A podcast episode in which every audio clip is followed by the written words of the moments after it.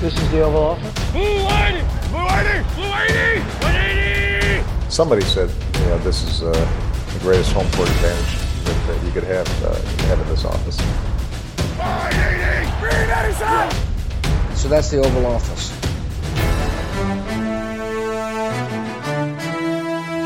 Ventetiden er forbi. Football er tilbage. Hej og velkommen til denne udgave af Det Ovale Kontor. Optaget mandag den 2. september, lidt over halv et om eftermiddagen. Jeg er Mathias Sørensen, og med mig har jeg som altid Thijs Ranger. Hej Thijs. Hej Mathias. Du har lige skåret et par timer ud af specialskrivningen. Yes, ja, men jeg beklager, hvis jeg er ikke så forberedt, som jeg nogle gange er, fordi at, øh, jeg har en deadline om under 24 timer. Så. Ja, du har heldigvis en, øh, en, øh, en hæftig baggrundsviden, du kan falde tilbage på, hvis det er. Vi har også Anders Kalsoff med her, Anders. Hej Mathias, og i, i, i denne anledning har jeg overhovedet ikke forberedt mig, bare for at Thijs han kan se bedre ud. Nå, super. Ja. Ja. Jamen, det bliver da et, øh, et godt optagsprogram til sæsonens første øh, spilleuge her. Det er jo netop det, vi har sat os ned for at gøre. Vi skal snakke om kampene i u 1, men inden vi når dertil, skal vi også lige snakke om sådan vores øh, optag til selve sæsonen øh, her på, på dørtrinet til den. Øh, vi skal øh, sådan... Vi vender lidt om, hvilke historier vi kommer til at, holde øje med, hvilke store spørgsmål vi vil have svar på i år.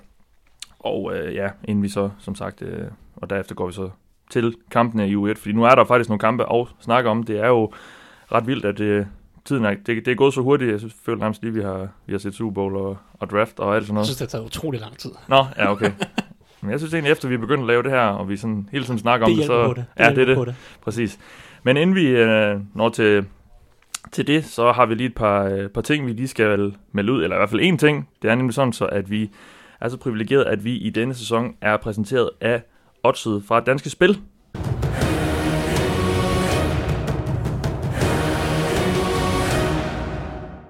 Og øh, hvad betyder det så? Jamen det betyder egentlig, at vi har oddset med i år i optagelsesprogrammerne, og, øh, og øh, den måde, vi ligesom kommer til, og, eller det kommer til at, at, at være tydeligt for jer lyttere på, det er, at vi sådan i løbet af vores optagsprogrammer vil drysse et par spiltips, eller snakke om nogle odds ind undervejs, og øh, hvor vi synes, det er relevant, og så kan I jo så følge vores råd. Det er også sikkert, det kan også være, at det nogle gange er klogt ikke at følge dem, eller måske gøre ligefrem det modsatte. Men i hvert fald så vil vi undervejs i vores optagsprogrammer hive et par odds frem, eller nogle spilmuligheder frem, som vi synes er interessante i forbindelse med de kampe, vi nu snakker om.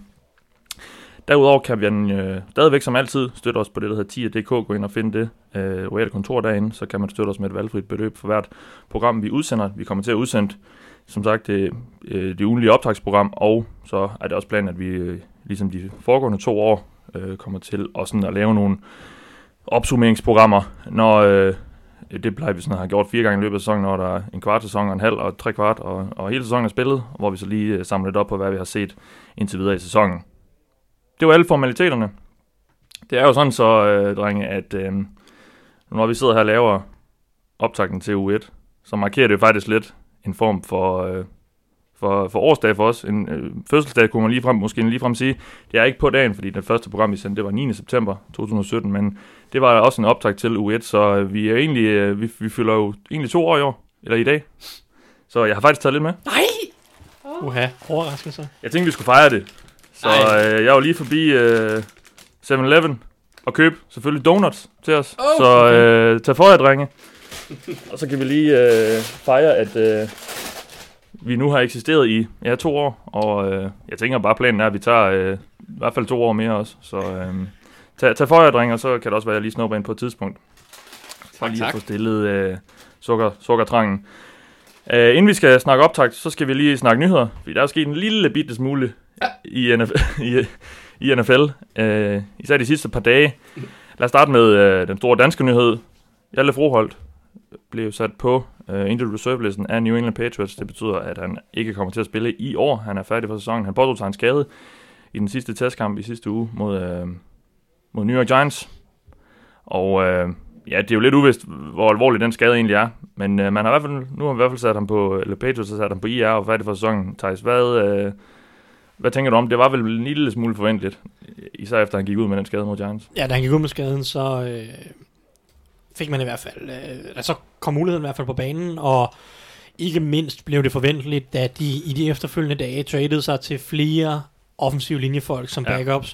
Og de har hentet i, i løbet af weekenden her, øh, eller den seneste uges tid, har de hentet tre offensive linjefolk, alle sammen backups umiddelbart. Corey Cunningham til tackle, og Jermaine Illuminor mm-hmm. og, øh, i, i Ravens, en guard tackle backup, og så Russell Bodine, tidligere Bengals-spiller, Ja, var så hos Bills i offseason. jeg er glad for, at han ikke er Bengals-spiller med. Ja, har startet mange kampe i ligaen, aldrig rigtig ja. været god til det alligevel, men øh, øhm, er, er en center backup, og det er specielt taget betragtning af, at det ikke kun er Hjalte Fruer, der er blevet skadet på den offensive linje, det er også David Andrews, der er ude hele, for, for hele sæsonen, deres rigtig dygtige center. Så de følte, at der, der var manglende dybde på den offensive linje, Ja. og de følte nok også, at Hjalte Froholt helst ikke skulle spille noget i år. Han var ikke klar til at spille. Øh, nu kender vi ikke omfanget af skaden. Det er muligt, at skaden var så alvorlig, han alligevel ikke ville kunne spille, ja. hvis det var. Det er også muligt, at han på et tidspunkt ville kunne spille om nogle uger eller noget, så de kunne have valgt at beholde ham på 53-mands roster, og så sætte ham på IR bagefter, Ja. hvilket giver ham mulighed for at vende tilbage efter 8 uger. Øhm, det valgte de så ikke at gøre nok, set i lyset af, at de ikke så ham som værende klar til at skulle bidrage i år. Ja. Øh, og, og så vælger de bare at smide ham på injury reserve i år. Præcis. Det er ikke så, det er ikke så heldigt for Hjalte Froholsen personligt, men, men det giver mening for Patriots som hold. Ja. Og så er de fri for at, at risikere, at, øh, at andre kan, kan snuppe ham, hvis de havde wavet ham, og så håbet på at signe ham til deres practice squad eller et eller andet. Så, Ja, det er klart, at jeg tror aldrig, der var, jeg tror aldrig, der var tale om, at han ville blive fyret. Nej. Som sådan. Altså, alternativet var, at de havde ham på rosteret, Mm, og det valgte de så ikke at gøre for at åbne op for andre spillere. præcis. Ja, og netop, øh, som også du siger, så er det jo sådan, så når, man- når man bliver sat på den her injury reserve liste, før det her 53-mands hold er, er sat, så kan man ikke blive hævet tilbage. Det er jo sådan, NFL kan hive to spillere tilbage fra injury reserve efter uge 8 i sæsonen. Um, det kan man ikke gøre med Jalf Man kan heller gøre det med David Andrews, netop fordi de ikke er på, eller var på 53-mands holdet, da, da, da, da, den der deadline, den, den, den blev nået øh, lørdag aften dansk tid.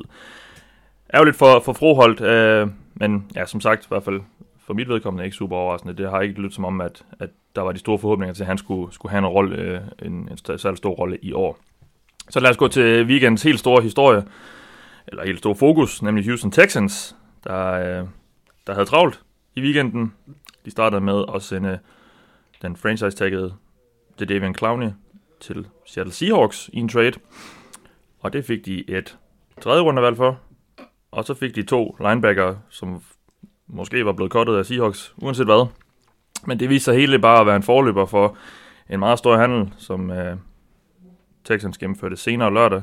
Eller var det sådan? Nej, det var, det var lørdag, øh, fordi man hentede Laramie Tunsil, som er offensiv tackle, og så blev Kenny Stills også hævet ind, og de spillede begge to for Miami Dolphins.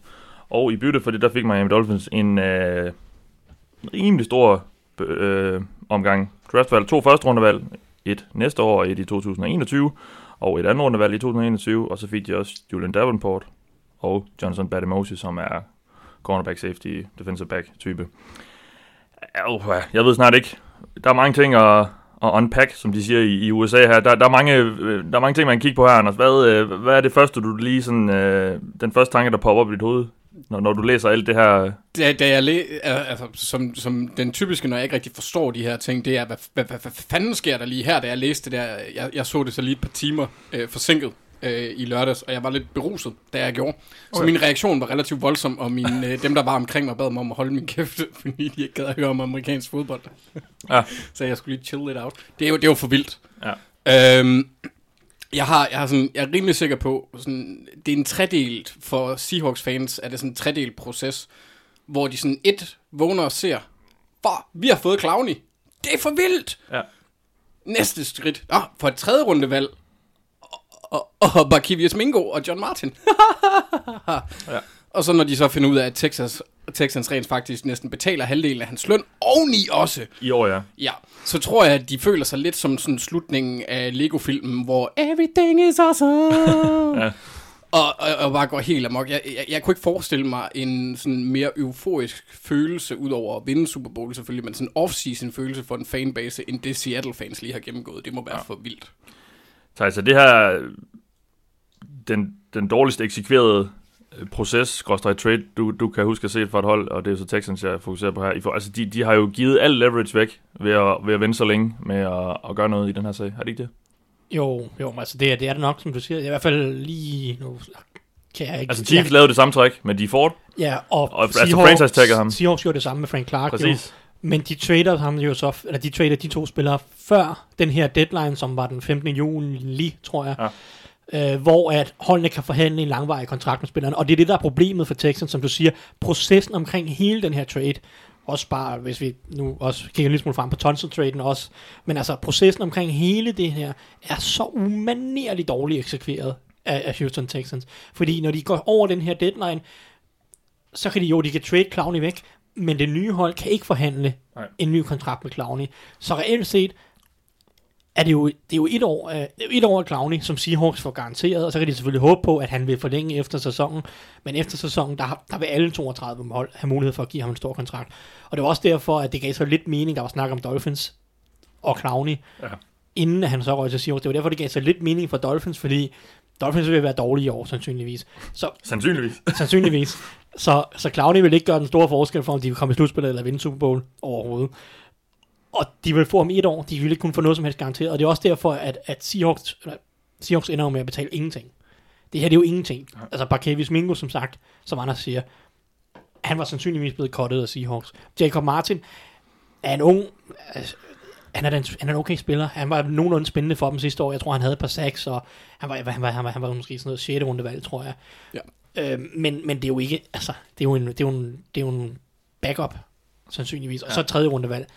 Og når han forlader, hvis han forlader Seahawks i free agency, så får de et tredje rundevalg igen. Så reelt set, Formentlig. Formentlig. I kompensation. ja, i kompensations, ja. øh, kompensationsvalg. Man må så, gå ud fra, at Clowney han trækker en stor kontrakt, hvis han bliver free agent, så det er næsten... Det handler så også om, hvor mange penge man selv bruger og sådan noget. Oh, ja, ja, det, altså, men, men, Men ja, Så sandsynligvis, så er Seahawks i en situation, hvor at de betaler med Jacob Martin, og så øh, 20, 20 pladser, eller 10, 15, 20 pladser i draften i tredje runde i næste års draft. Det er jo ingenting. Nej. For en spiller, som er en top 15, top 10 uh, defensive edge-spiller i ligaen, han er ikke en fantastisk pass rusher, men han er måske en af ligaens aller, allerbedste mod, mod løbet, og han passer mm. perfekt ind i Seahawks filosofi. Så altså, en super trade for Seahawks det her, og for Texans, der var de nok nået til et punkt, ligesom Steelers var med Antonio Brown, at de kunne bare ikke have ham i truppen på en eller anden måde længere. Det virkede til, at der var nogle gnidninger, og Bill O'Brien havde set sig sur på Clowney, fordi han ikke var mødt op, og ikke ville forlænge kontrakten måske. Jeg ved ikke, om, hvor, hvor gode tilbud Texans kom med inden den her deadline og alt det her.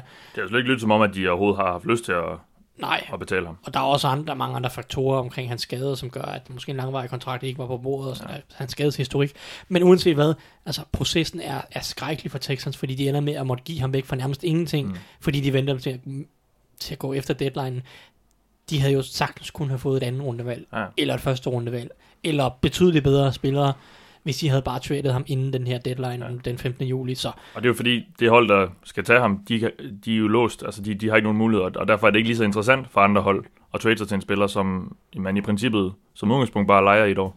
Præcis, og, og, og det er også, ja, som du siger, præcis det, og altså, det giver mening for nogle hold, hvis man skal lege ham, hold, der går efter en Super Bowl, vil jeg mærke, altså, hvor han virkelig kunne være Mm. den brik, der lige skubber dem over. Der har også været snak om Eagles. Der var snak om Eagles, altså, han kunne være en brik, der lige skubber Det dem det sidste nasty. stykke også. Ja, altså, Eagles har været åndssvagt, ikke? Altså, men, men, og der giver han mening for Seahawks, fordi Seahawks mangler også virkelig, virkelig pass rush, efter af- afsked med Frank. Clark ja. og skaden til LJ Collier og så videre, og så videre.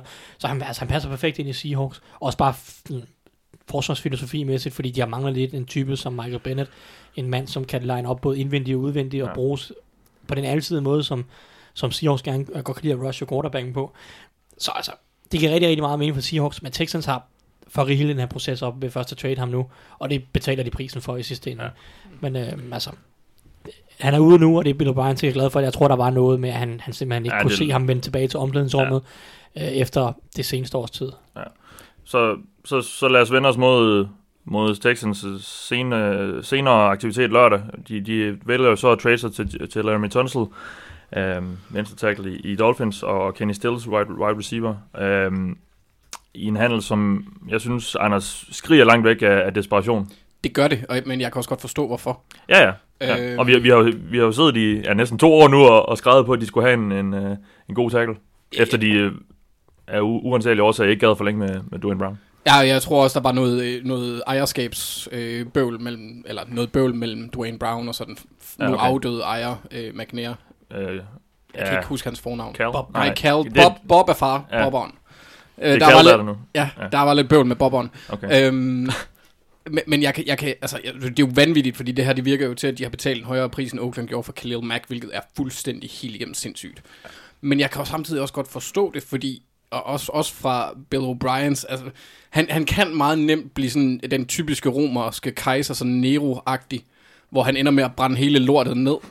Øhm, men han, det han gør nu, det er, at han satser på hans egne sådan, muligheder for at vinde, fordi for at gøre det, så er Deshaun Watson nødt til at være på banen, og med den linje, de havde, har nu, eller hvis Matt Khalil han havde startet, så er jeg ret sikker på, at Sean Watson næppe havde spillet en fuld sæson.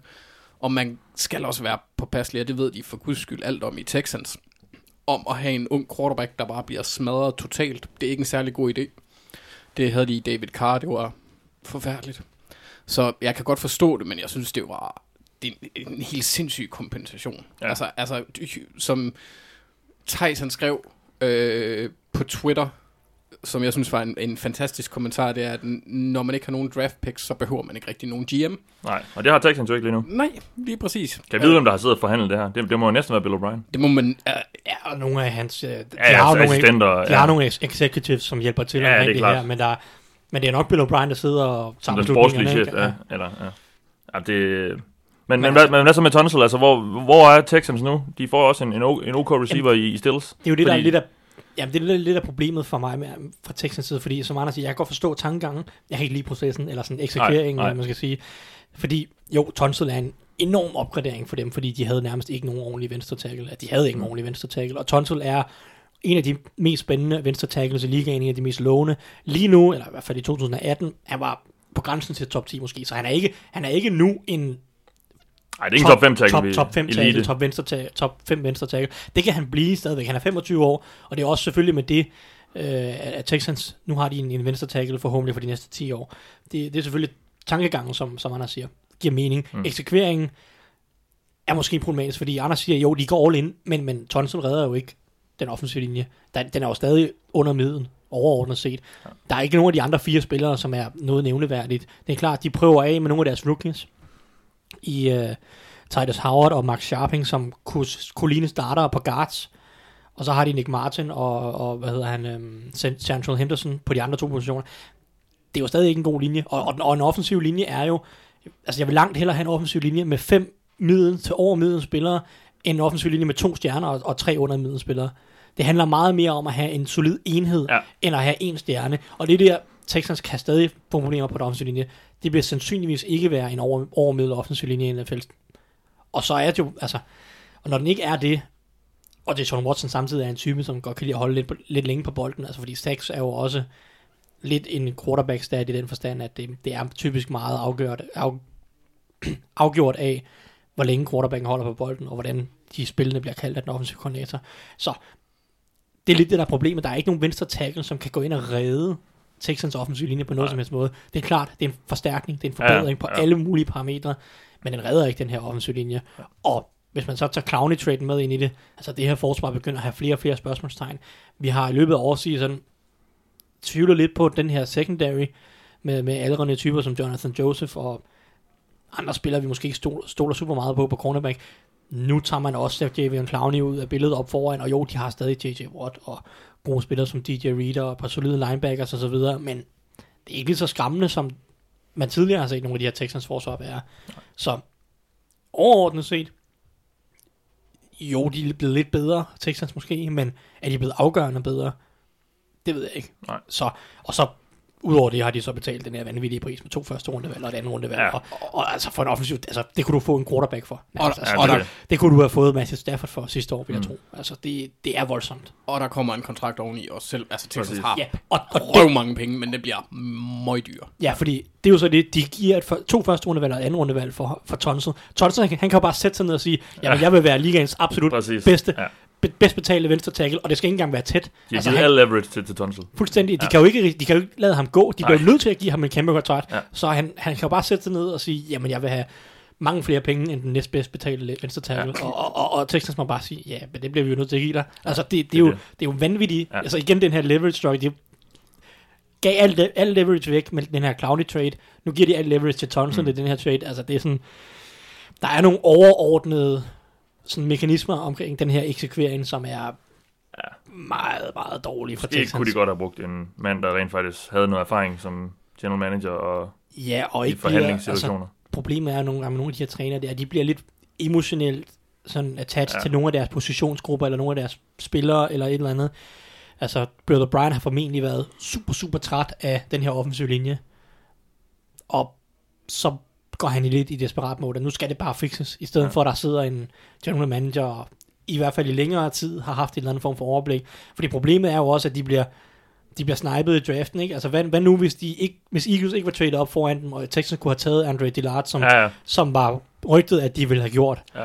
Fordi så havde de haft en venstre tackle, en ung venstre, fordi åbenbart er Titus Howard ikke en venstre tackle, det er de så. Nej, han spiller Altså, guard, de- og det er han ikke engang god til. Ja, det ved jeg ikke, det, det kan jo godt være, at han det er synes god jeg bare, til jeg hørte. Ja. Jamen altså, vi har ikke set ham andet end i preseason, Nej, så det er bare sådan, måske er han en god guard, og det er også fint, øh, hvis han er det, men det er bare, at de drafter ham, og alle tænkte, nu har de fundet en venstre tackle, eller en tackle i hvert fald.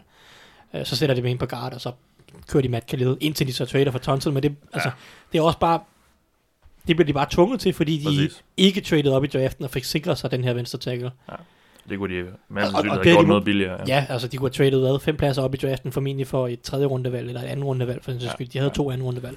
Jeg kan jo godt snakke om, at det måske er, altså jeg kan godt se, hvor, hvor Bill O'Brien, også fordi de jo netop tog Titus Howard og Max Sharping i, først, øh, i tidligt i år, mm. øh, at, at jeg kan godt se, hvor han lægger alle sine brikker henne, men jeg kan også godt se sandsynligheden for, at det går galt er relativt stor. Jo, jo. For- Om det lyder, altså, jeg skrev også på, øh, på Twitter tidligt, øh, tidligt søndag morgen, da, da jeg så den her Tonsil trade, at altså, Texans er all in nu, og, og især Bill O'Brien er all in på, på, sit, på sit job. Øh, det skal man selvfølgelig hele tiden være, men altså, det, altså, der har jo været lidt snak om de sidste par år, at der var sådan lidt, skulle han, skulle han blive, og, og sådan noget. Men øh, det lyder som en mand, der har skubbet alle brikkerne ind på bordet nu. Altså hvis han ikke kommer i slutspillet nu, så skal han fyres. Ja, det, det, det, ja. det er vi jo næsten af. Så lad os lige hurtigt vende Miami. Fordi hvis der var nogen som helst tvivl om, at det hold ikke havde nogen ambitioner for 2019, så er der da i hvert fald ingen tvivl nu. Øhm, det, altså, det, de, de, de renser bare ud. Altså, Tonsil og, og Stills, som vil var nærmest to af de mest talentfulde spillere på deres angreb, hvilket ikke siger super meget, er væk. Og nu, øh, og Kiko Alonso, linebackeren, og så også senere søndag, han er ved gud ikke nogen, øh, hvad skal man sige, nogen at gøre nogen kæmpe, kæmpe forskel, men han var nok den, deres, en af deres bedste linebacker. De har også øh, Rick One McMillan, som Ja, men er Jerome okay. Baker er deres, deres store håb på linebacker. Ja, men, men, men, men alle, alle er til salg, lyder det virkelig lidt som om. Øh, og gud hjælpe med, om ikke øh, Brian, For- Brian Flores, head coach, han stadig holder fast i, at de øh, på ingen måde forsøger at tænke, det ved jeg godt, han kan ikke sige andet, men øh, det, det, det, altså jeg kan godt forstå, hvis man som Dolphins-fan sidder og har lidt svært ved at tage ham seriøst og tage holdet seriøst, fordi, og, og vi har jo snakket om her i optionen, vi er super begejstrede for, de har tydeligvis en plan, og de følger den også, og de kører Browns-modellen med at sælge ud og, og skrabe, øhm, øh, skrabe ressourcer sammen til at kunne gøre noget de næste par år, men ja, det, det er sådan lidt det der med, og så bliver der meldt noget andet ud. Og sådan. Jamen, Altså, jeg kan godt, jeg kan godt se, altså igen, resonemanget i det, han siger. Øh, hvis, hvis der var en, der kom til mig, øh, hvis jeg for eksempel var Eric da Costa, og de sagde, vil, vil du smide jo, uh, Ronnie Stanley afsted Som for... er Baltimore GM. Ja, vil, vil du smide Ronnie Stanley afsted til os for to første rundevalg, et andet rundevalg, og, og, og, og, det, og det er nærmest det. Så jeg tænkte, ja, det vil jeg nok overveje. Ja. Så jeg kan godt, jeg kan godt forstå, hvor den... øh, Altså, Forhåbentlig vil du ikke overveje det, forhåbentlig vil du bare acceptere det med Ja, det samme. ja, Altså, ja, Ja, Altså, ja.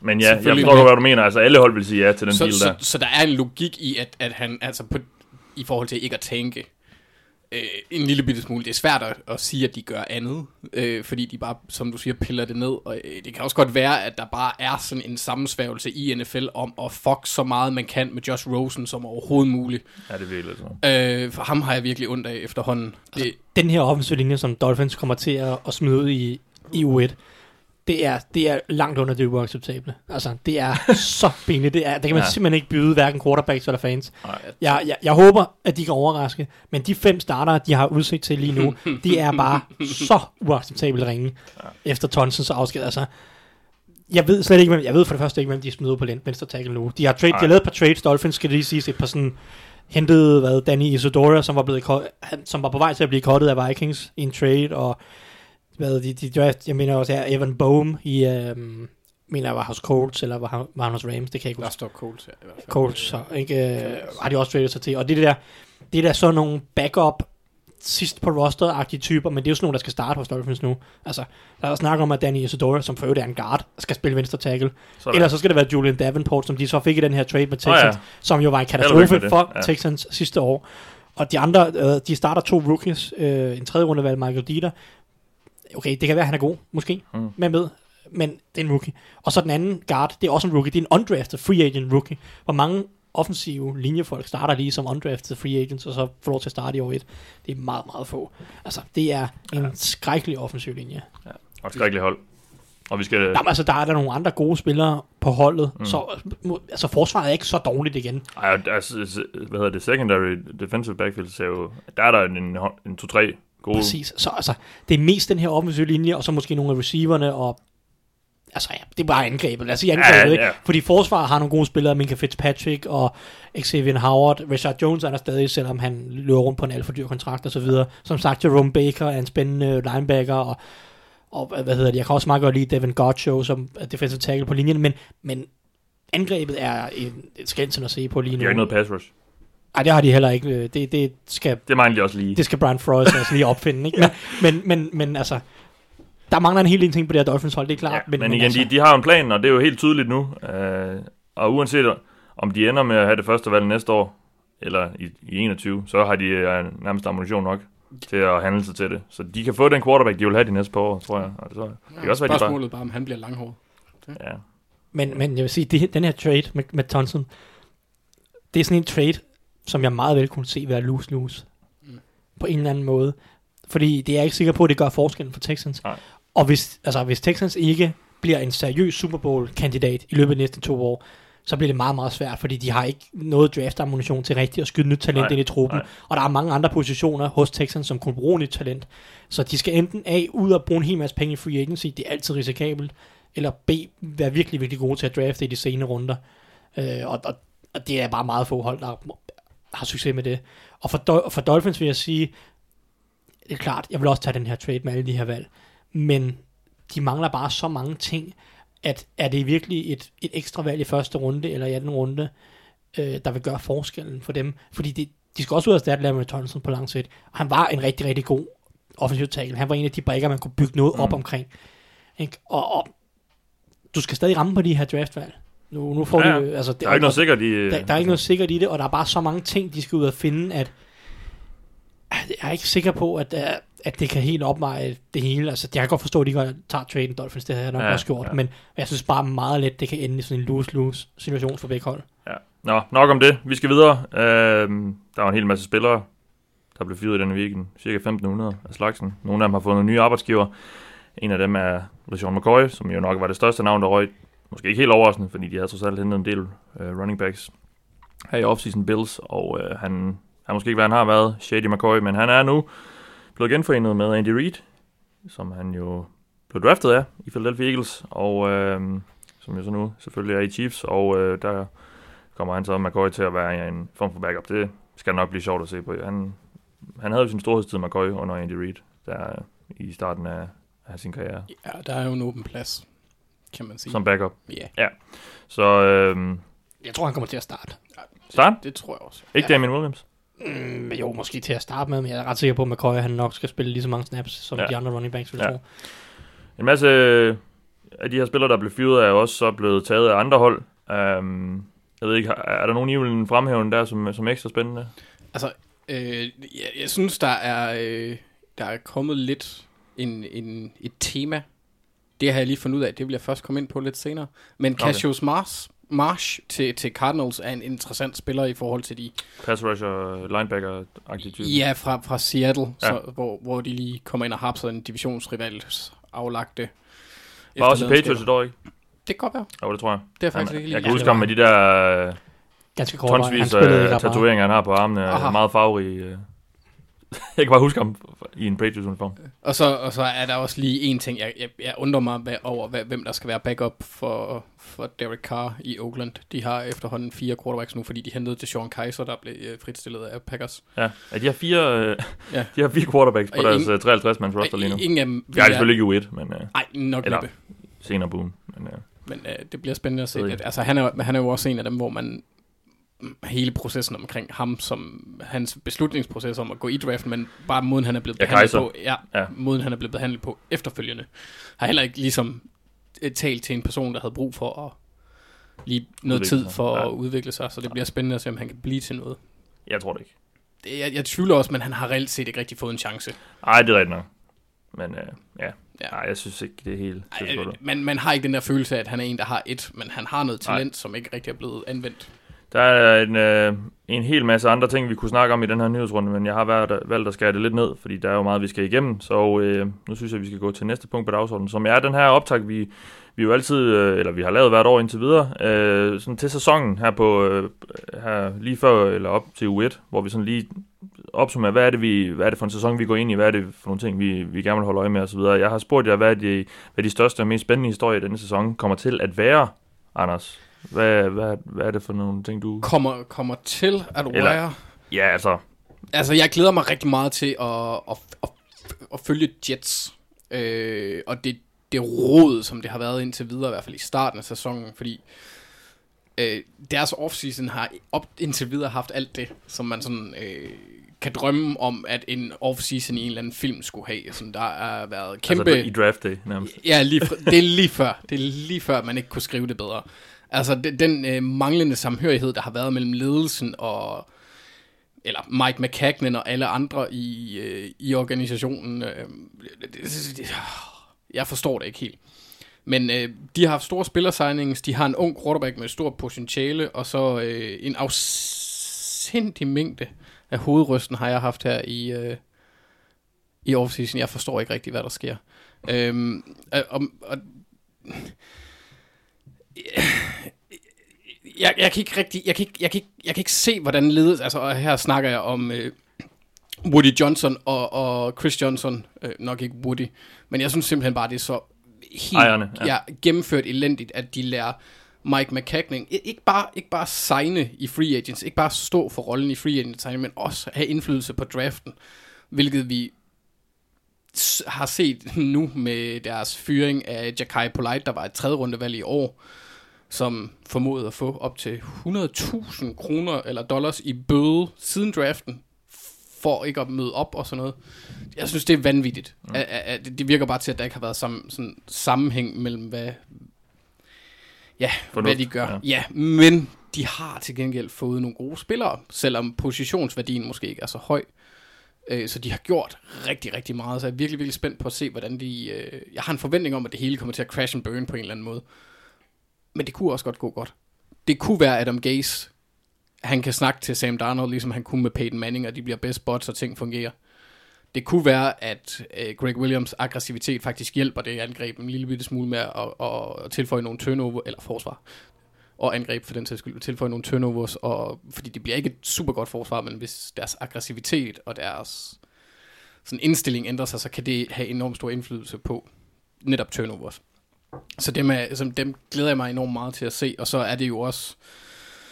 Øhm, det, det, det er lidt et hold, der er blevet mini-Ravens. Øhm, de, har hentet, de har hentet syv Ravens-spillere øh, i år. Ja. så, så det er sådan... Eller sp- spillere med fortid i Ravens. Så det, det Er der, en, er der en forbindelse, eller hvad? Det er der vel ikke engang sådan... Joe Douglas. Ja, Joe Douglas, nye Ja, okay. han har kom, kom fra Ravens. Nej, han kom fra Eagles. Ja, ja, men han er tidligere hos Ravens. Ja, ja, okay. Før Eagles. Ja. Så der er noget, altså der er noget, han, øh, der er en connection. Ja, Han, okay. han, han var der i hvert fald. Det, det, det er der, jeg har ham fra, fordi han var der i rigtig mange år. Ja, okay. Øhm, men Nå, de, så er det nok det, ja. og de, så de hentede, det var en af dem, jeg synes, der var Men interessant. det var så ikke ham, der hentede Mosley.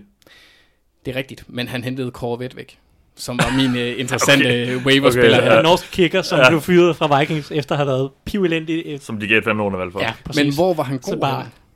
Jamen, han var god hos Ravens. ja. På deres practice, eller øh, og, vi, preseason. og vi fik et femte runde valg for Ja, men ham. det er imponerende. Det er Ja. imponerende. Nå, øhm, Kicker og punter, de, de dør bare i, i Minnesota. Sådan er det bare. Det er, det er sådan en ting. og i Chicago også. Åbenbart. Ja, åbenbart. Ja. Ja. Men der er noget af NFC North, der, der ikke fungerer. Og Jets har heller ikke en god historik med, med kicker de sidste par år. det er også rigtigt. Har du Nej, noget at tilføje? Jeg, jeg, jeg er sådan lidt, lige det sidste, jeg er lidt spændt på at se på deres offensive linje, hvis- fordi hvis den kan, ko- hvis den kan spille godt, hvis, hvis Kelechi Osemele, han kan vende nogenlunde tilbage til det niveau, han havde for to år siden, øhm, så har de et spændende hold. Øhm, og, og så tror jeg, at, øh, at, at det bliver guf at se Dick Hammer Jr. Jr. Og med det vil jeg give dig, The Passion, Thijs. Hvad, øh, hvad er det for en historie, du, øh, du, du har fokus på, eller som, som du tror bliver en af de store? Jamen, øhm, altså, der kommer til at være meget fokus på, på Cleveland Browns. Det Ja. tror jeg bare, det er en af de helt store om, altså, omdrejningspunkter, omtalepunkter. Altså, hele situationen omkring Hugh Jackson, og de taber så mange kampe, og så bliver han fyret, og så kommer Baker Mayfield ind, som jo selvfølgelig tog first overall, og i forvejen var et meget hyped navn. Kommer han ind, spiller super godt, får pumpet en masse liv i det her Browns hold, og slutter sæsonen i 2018 super godt af. Så går de ind i den her offseason, og trader sig til Odell Beckham Jr., og signer hvad, Sheldon Richardson, og Trader sig til Olivia Vernon. Olivia Vernon, og jeg, jeg ved ikke hvad, altså det er jo en masse store armbevægelser. Der er, altså det er virkelig nogle store navne, og det er virkelig meget hype, de har formået at skabe om sig selv. Også bare fordi Browns har været dårlige i så lang tid, at det er klart, at, at når der endelig er lidt håb for dem, så er der mange, der rigtig gerne vil se det her folde sig ud på en eller anden måde. Så det bliver bare, det, det bliver et af de helt store omdrejningspunkter her i starten af sæsonen, hvor Ja. ja. godt gør Browns det, og jeg tror også, de har fået af NFL fem primetime kampe for første gang i nærmest det her årtusind, ikke? Ja, Så- tre ind. Er det ikke sådan tre ind for de første fem uger? Også, eller Ja, eller hvad det, det er noget af. Altså, de, Ja. ja.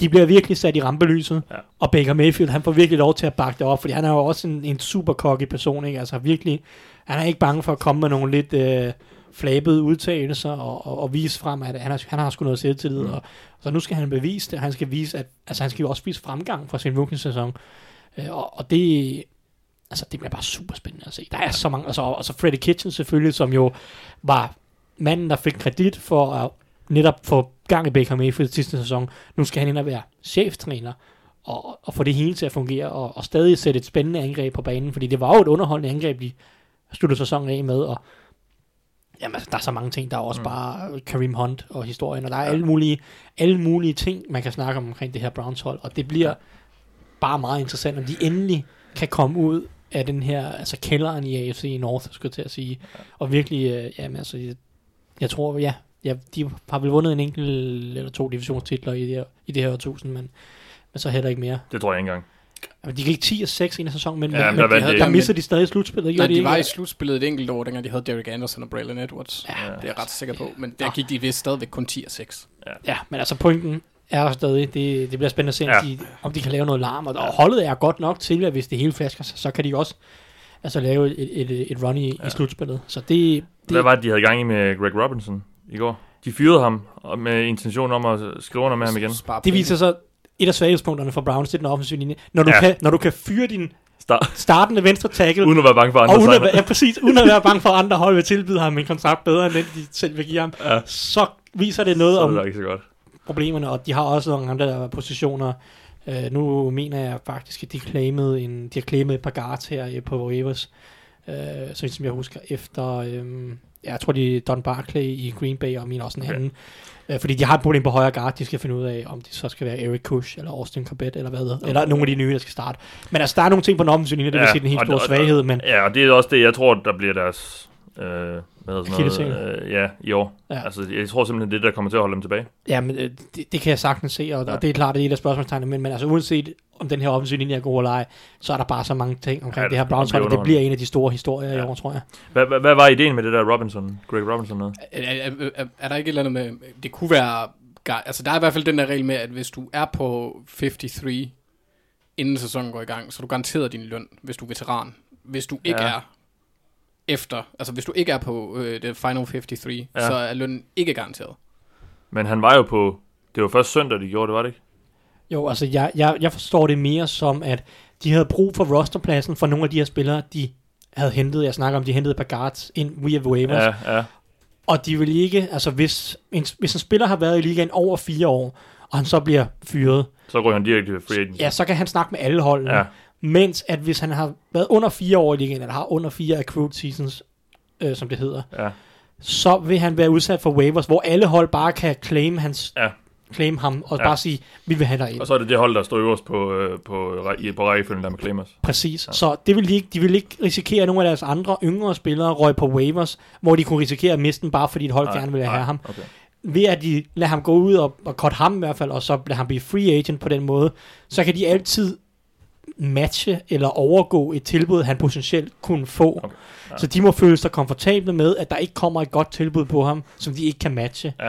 Og det er så det, de gjorde, og øh, derfor de gjorde det, og så har de formentlig tænkt sig at smide andre spillere på IR, eller fyre andre Ja. ja. spillere sidenhen, eller hvad ved jeg. Men han, er han tilbage nu? Det er lidt. Øh, det tror jeg ikke, han er, han er ikke blevet resignet nu. Men altså, det er en mærkelig Ej, jeg situation. håber, nogle andre signer ham. Ja, Det kunne virkelig være Jamen, sjovt. det kunne være virkelig sjovt, og, Ja. og bare f- fordi det er en super mærkelig situation, også Ja. ja. bare for at... Ja, altså, det, Ja. det, det, virker, det er bare en mærkelig ting at gøre på en eller anden måde. Det er ville være meget. Browns-agtigt på en eller anden måde. Ik- ikke det nye Browns, men det gamle Browns. Så skal de til at finde, finde på noget helt nyt på venstre tackle. Ja, ja. Nå. Nå. Jeg har også spurgt jer, hvilke store spørgsmål vi gerne vil have svar på i år, Anders. Ja. Og, og der øh, er der et stort spørgsmål, jeg virkelig gerne vil have svar på. Sjovt nok. Ja. Om, øh, om øh, Lamar han kan lykkes. Lamar Jackson. Hvad, ja, hvad der sker med ham. Øh, jeg er helt afsindig spændt på at se, hvordan angrebet kommer til at se ud, om øh, Harbour han får ret, ligesom Andy Reid gjorde sidste år, da han var ude at sige, at I kommer til, det her det kommer til at tage på sengen. Øh, hvad vi gør på venstre guard, øh, fordi øh, øh, der står vi øh, mellem et fjerde rundevalg, Ben Powers, og øh, undrafted rookie Patrick McCurry, og så James, vi forlænger, fordi vi elsker dine røde lokker, Hurst. Det skræmmer mig. Så jeg er lidt bange for, hvordan det, det kommer til at se ud sådan på den offensive linjedel, men jeg glæder mig sindssygt meget til at se, hvad Greg Roman han, han gør, hvordan de ligesom folder, folder Lamar ud, for det er lidt, det er lidt et sjovt angreb, det her. Fordi sådan rent fysisk, hvis man lige ser bort fra Marquise Brown, og måske Willie Snead, så er de kæmpe store mennesker, der er på det her hold. Det er, øh, det er kun uh, Willie Snead og Marquise Brown, der er under 1,80 af, af wide receivers. De er alle sammen relativt store. Mm. Uh, tight endsene er... altså, uh, Det er Mandrews, hold, ja. ja. men der er sindssygt meget fart oveni også, så det er sådan, jeg er meget spændt på at se, hvordan de kombinerer den, kombinerer den fysiske styrke med den fysiske fart, og hvor, hvordan de ligesom får sat øh, Lamar mig spil, for de har ved Gud ikke vist meget i løbet af preseason, øh, så jeg er virkelig, virkelig spændt på at se, hvordan mit hold Ja. ja. kommer til at se ud, og vi får det, selvom det godt nok bliver i Miami, og det bliver varmt, så, så bliver det spændende at se i første runde mod dem. Jeg regner med, at det bliver lidt nemmere. Det er et svært sted at spille. Ja, og, det, og, og også fordi vi kommer jo, vi er jo ikke fra et varmt område i USA, kan man sige, og det er... Ej, Ravens er ikke. Ja, Ravens er ikke, men luftfugtigheden i Miami kunne jeg godt forestille mig kunne slå Ja. ja. et par stykker ihjel dernede. Det har det jo gjort før. Ikke, ikke gud skulle dog ikke nogen fodboldspillere på banen slået ihjel. Men, Nej, nej, øh, men nej. holdene har, har lidt øh, nogle, øh, nogle hårde skæbner dernede i den der varme, fordi det er, som også siger, det er ikke noget, øh, ret mange andre er vant til. Lige Præcis. præcis. Jeg læste også noget med, jeg, jeg synes, jeg hørte en eller anden statistik i en eller anden podcast. Måske var det, øh, jeg kan ikke huske, hvad det var, men at Florida-holdene i september er re- sådan ret gode på hjemmebane. Ja. Netop på grund af varmen og, luftfugtigheden. Lige præcis, og det kunne jeg også godt forestille mig har en lille bitte smule indflydelse. Ja. Jeg håber så, at, at Ravens har opbygget et roster, der er kompetent nok til, at de kan slå Miami alligevel. Ja, og det... Ellers er det bare tid til at pakke sammen og fokusere på 2020-draften. Yes, eller så håber jeg, eller så må man håbe på, på at det er sådan en Saints Buccaneers kamp-agtig situation. Lidt- Det er jo Fitzmagic, og han Det er, er han er et u 1 based Ja, det er han faktisk, ja. Nå, det, vi, vi skal sætte vores picks i, i slutningen af, af programmet, så, så ser vi, hvad vi, hvad vi når frem til der. Thijs, øh, hvad er det for et stort spørgsmål, du gerne vil have svar på i år? Yes, jamen jeg har jo brugt den sidste måned på at gøre alle Packers-fans mega sure på Ja, Klud ja. ja. og mig personligt. Så nu, øh, dem der ikke endnu er sure på mig, øh, de kan blive sure nu. Fordi det helt store spørgsmål, jeg gerne vil have svar på, det er, hvor god er Aaron Rodgers på nuværende tidspunkt af hans karriere? Er han stadig en top 5 quarterback i NFL? Fordi det har han ikke bevist de sidste to, måske endda tre år, ikke? Og jeg ved godt, at Mike McCarthy har kørt et, et skrækkeligt ringe offensivt system. Jeg ved godt, at der har manglet nogle receiver til tider. Jeg ved godt, at den offensive linje har været skadespladet i nogle sæsoner. Jeg ved godt, at forsvaret ikke har været alt muligt, ikke super godt. Men på et eller andet tidspunkt må man også bare kigge på Aaron Rodgers og sige, okay, nu ophører undskyldningerne også snart.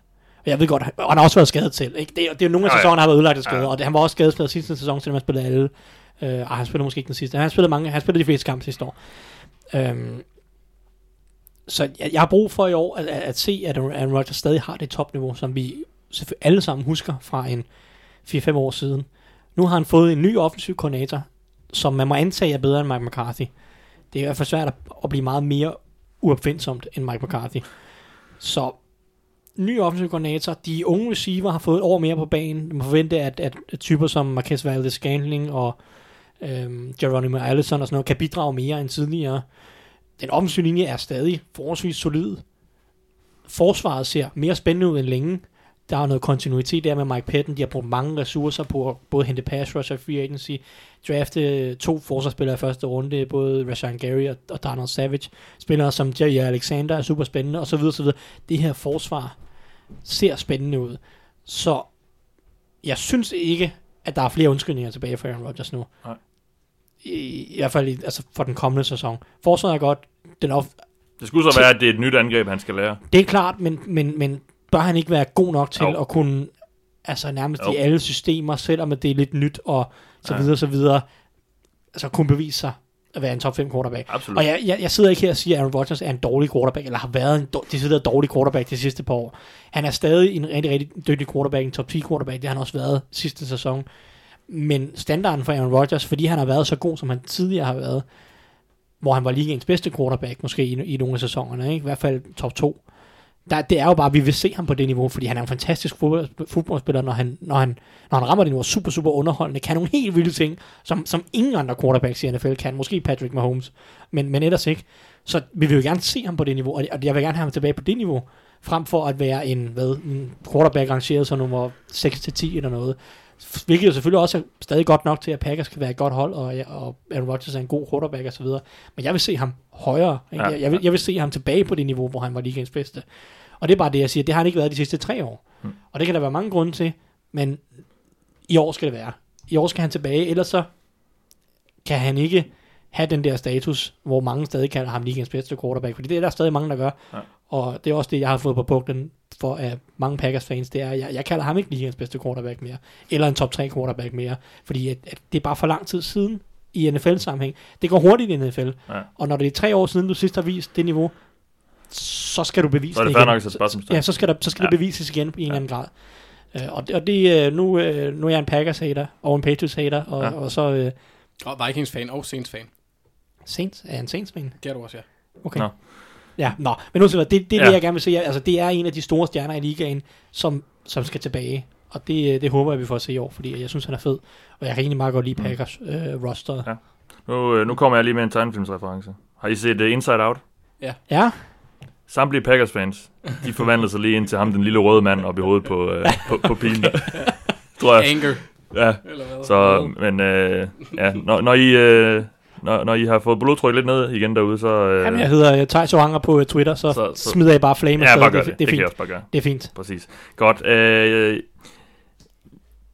jeg har spurgt jer, hvilke hold kommer til at være toneangivende, og har man fulgt lidt med de seneste par år, så ved man nok også godt, hvem der stadig ligger rimelig godt i, øh, eller sidder rimelig godt i sadlen i forhold til at, at kunne gøre en forskel. Men lad os lige få opsummeret her, hvis man nu ikke har fulgt så meget med i offseason her, Anders. Altså, hvad er det for nogle hold, som vi skal, vi skal holde øje med i år i forhold til at gå hele vejen?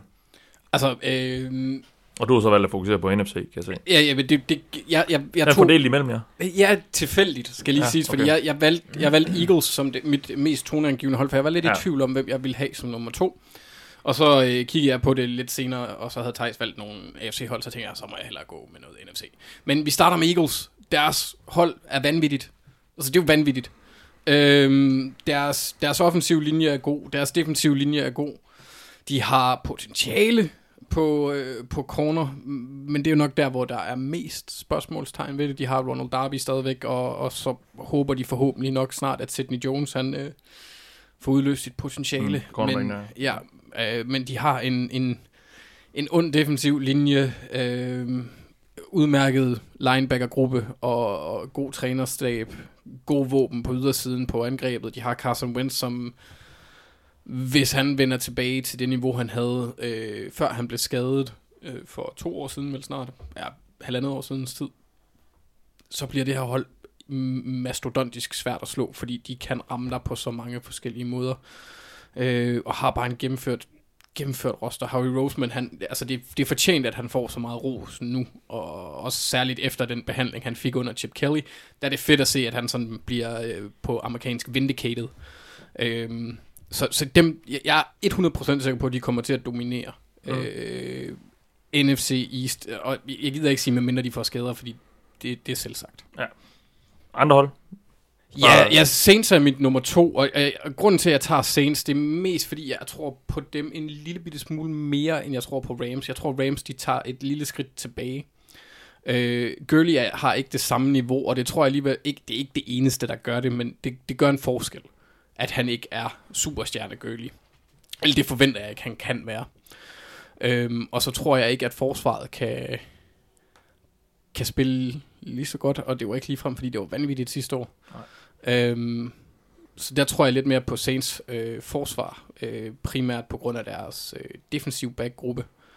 Og så har de også en god defensiv linje med øh, Cameron Jordan og Sheldon Rankins. lige præcis, som er kommet tilbage nu også. Øhm, og, og Marcus Davenport, der bliver spændende at se, hvor langt han er nået i sin Mm. udvikling. Øhm, ja, altså, altså det, det, trænersmæssigt, øh, jeg er også stadigvæk lidt i tvivl om Drew Brees' niveau, fordi vi så ham falde mod slutningen af sæsonen, hvor, ja. hvor der alligevel, altså, der kunne man se, at der, der blev han lidt træt i sin arm. Ja. Øhm, så jeg er, også, jeg, jeg er stadigvæk, jeg er lidt usikker, men det, den stod lidt mellem Rams og Saints, men på, den her, på det her bord, eller den her vægt, der vælger jeg Saints. Modtaget. Thijs, Ja, men altså, jeg har så taget to AFC-hold Ja. ja. lidt ved et tilfælde, men det er så også de to hold, der var i AFC-finalen sidste år. Jeg, jeg, har, jeg synes, der er ikke så super mange hold i AFC, som jeg synes har rigtig Super Bowl-potentiale. Der er, man kan godt argumentere for, i hvert fald ikke efter Colts, som efter Andrew Luck, lad os sige det sådan. mm. Øh, man kan godt argumentere for Browns, man kan godt argumentere for Steelers eller Chargers, men hvis jeg skal være helt ærlig, der er ikke nogen af de tre, jeg rigtig tror på, kan gå hele vejen. Så derfor der har jeg taget Chiefs og Patriots, fordi jeg tror, Chiefs angreb skal nok stadig være latterligt godt. Det kan godt være, at de ikke helt når samme højde som sidste år, men det skal stadig være, det er stadig mere end godt til at være et rigtig, rigtig godt bud på et AFC øh, hold i Super Bowl. Det, de var ikke et tilfælde for Patrick Mahomes og Andy Reid, de legede med sidste år. Så det skal nok være super godt. Og så Patriots, øhm, altså, ja. det er jo bare Patriots. Ja. Jeg, jeg tror, det her forsvar kommer til at fortsætte i lidt i samme stil som sidste år. Jeg tror, det kommer til at være rigtig godt. Selvom de ikke talentmæssigt har et bund af kæmpe store stjerner på det her forsvar, så er det bare rigtig godt sammensat på en eller anden måde. De roller, som de forskellige, spillere kan udfylde, og så har de selvfølgelig Bill Belichick, som er mastermind på det hele, og det hjælper rigtig meget på alle ting. Så altså Patriots tror jeg, forsvarsmæssigt kommer til at være rigtig gode. Angrebsmæssigt tror jeg, at de lige skal i gang i sæsonen. Jeg tror, der, der har været en del Vi så dem løbe ret meget sidste år, eller i hvert fald gå over til et ret tungt løbeangreb. Øh, ja, det skal de nok, det vil de nok prøve at fortsætte med, men jeg tror, der er en del forskellige brækker på Patriots angreb, som har, været, som, er, som har ændret sig i løbet af offseason, både siden sidste sæson, og også bare sådan generelt hen over sommeren. Øh, Rob Gronkowski er selvfølgelig væk. Øh, Josh, Josh Gordon er lige Josh kommet Gordon er tilbage. lige kommet tilbage. Ja. David Andrews, er nu, har de mistet ham nu, så der er noget offensivt linje. De har også mistet Trent Brown siden sidste sæson. Så det der med at løbe bolden, og måske også bare passe med generelt, er måske svært at være på, på samme niveau som sidste ja. år. Og så tror jeg, at de her receiver, fordi okay, de har stadig Edelman, men han har også været skadet nærmest hele preseason, så han skal måske også lige banke noget rust af, når vi starter sæsonen. Så som sagt, Josh Gordon. Deres første rundevalg, Nikhil Harry, har også været en del skadet her i preseason, og hvis det er klar til sæsonstarten, på sigt vil de nok gerne have, at han var den tredje receiver.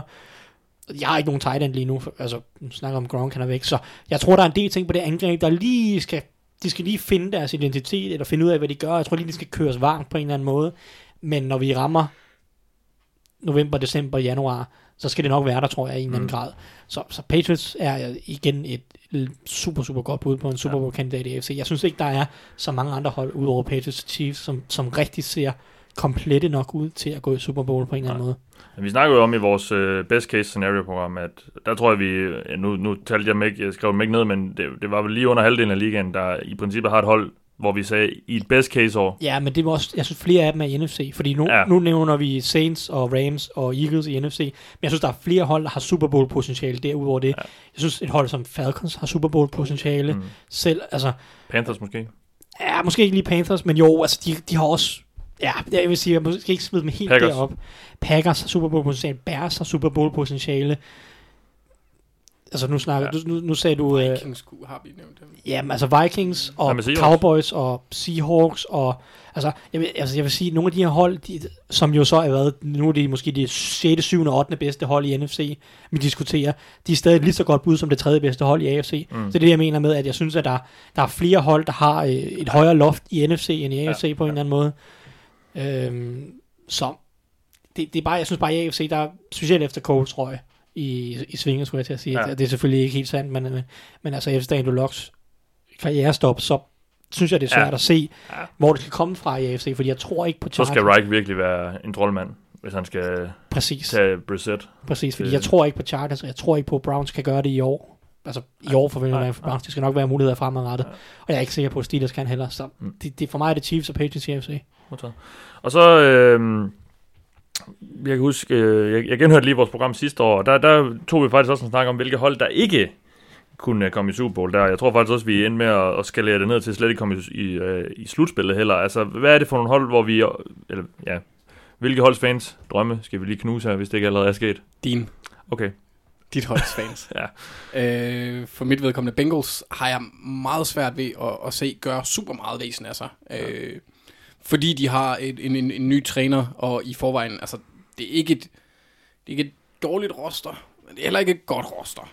Der er, der er nogle huller på nogle pladser, hvor man sådan tænker, at den offensive linje vil gøre, gøre mig nervøs. Ja.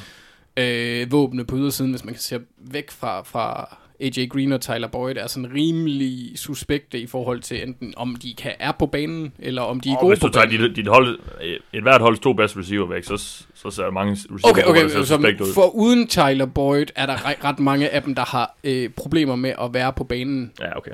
Ja. Ofte nok til, altså fordi hvi- hvis det var sådan, at øh, Tyler Eifert han var skadesfri, og AJ mm. Green var skadesfri, så ville de jo have en god trio i de tre plus Joe Mixer nede bagved. Det, det ville jo være nogle gode våben. Væsentligt ja. Bedre end, end, end dem, vi har i Baltimore for eksempel. Ja. Men den linje der, den, den, den gør mig lidt bange, og jeg er, øh, jeg, jeg er også ret spændt på at se, hvad Zach Taylor han kan øh, mm. som head coach. Han er et totalt ubeskrevet blad. Det angreb ligner Rams-klonen, ikke? Så har der været meget snak om, at det, det, bliver, det bliver virkelig McVay-klon Ja. 2.0. Der er, der er play action, der er jet sweeps, der er... Ja. Ja, alle de her condensed uh, splits uh, på Ja. wide receiverne, der Ja. liner op mere indvendigt end normalt. Ja. Det er sådan rigtig, det bliver rigtig McVay-agtigt. Præcis. Og så ser man, han er lige så god til det som originalen. Ja. Ej, jeg, ja, den der linje holder sgu... uh, Undskyld, den, den holder også mig vågen om natten. Ja, det kan jeg, og så var jeg også lige, lige lidt fræk og var ind og kigge kig på oddsene, hvor at øh, vinder af FC Nord, øh, den Cleveland giver 2-3, Pittsburgh 2-7, Baltimore 3-7-5, Bengals 20 gange igen. Så der er en lille, der er en lille hop. Ja, Der er sådan, giver 16 gange mere, øh, eller se- 16, ja, ikke 16 gange mere, men nu kan Ja, vi så komme med, øh, med, med årets første spiltip. Lad være med at spille på Bengals som vinder. eller, eller hvis I vil satse, spil meget lidt på dem. Ja. Det, så kan I vinde stort. ja, 20 gange altså, penge igen. nu er vi jo sponsoreret af Dansk Spil. Spil rigtig mange penge på, at Beng... Er det, Ja, er ja, det jo. sådan, det fungerer? jo, det vil de gerne have. Nå, ja, Men jeg tror også, hvis vi skal have noget integritet, uh, integritet Jamen, har vi ikke solgt overfor vores allerede nu? Jo, fuldstændig.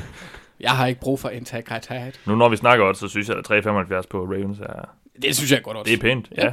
det er det pænt. Det, øh, det vil jeg. Ja. Yes. Andre hold, vi ikke skal, skal regne med i år. Arizona Cardinals. Altså, Ja. jeg vælger ikke de her hold, fordi jeg ikke tror, at de får opmærksomhed. For det gør Cardinals. Jeg tror bare ikke, at de kan gøre noget. Altså, de, de kan max måske ødelægge det lidt for en af deres øh, divisionskammerater. Hmm. Øh, rivaler. Men, men jeg tror ikke, at vi kommer til at se dem øh, ryge over fire sejre. Det, det, det, det har jeg svært ved at forestille mig. Jeg, jeg ved godt, at jeg har været udpræget negativ over for Cliff Kingsbury, men jeg tror bare, at Kyler Murray, han bliver tæppebumpet med, med store, muskuløse, ofte sorte mænd i år. Og, og det gør ondt. Og hvad sker der så på banen?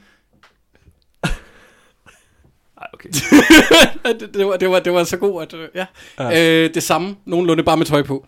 Så, øh, så, så jeg har lidt svært ved at se dem nå, øh, nå alt for langt. Øh, også hvis Kyler Murray han skal have tid til alt det ved siden af. Så Jeg skal lige slå fast, jeg har ingen anelse om, hvorvidt Carl Murray han er til det ene eller det andet. Men, øh, Nå, nej, nej, det jeg, så bare, det jeg, så muligheden for, jeg så muligheden for at grine, og den tog jeg. Ja, jeg, jeg tænkte, det var en plat joke, ligesom alt hvad andet, Ja. ja. hvad, hvad jeg siger. Så det er jo bare fint. De er jo større, de er jo større underdogs i deres division, end uh, Bengals er i, i, i FC North. Det forstår jeg også godt.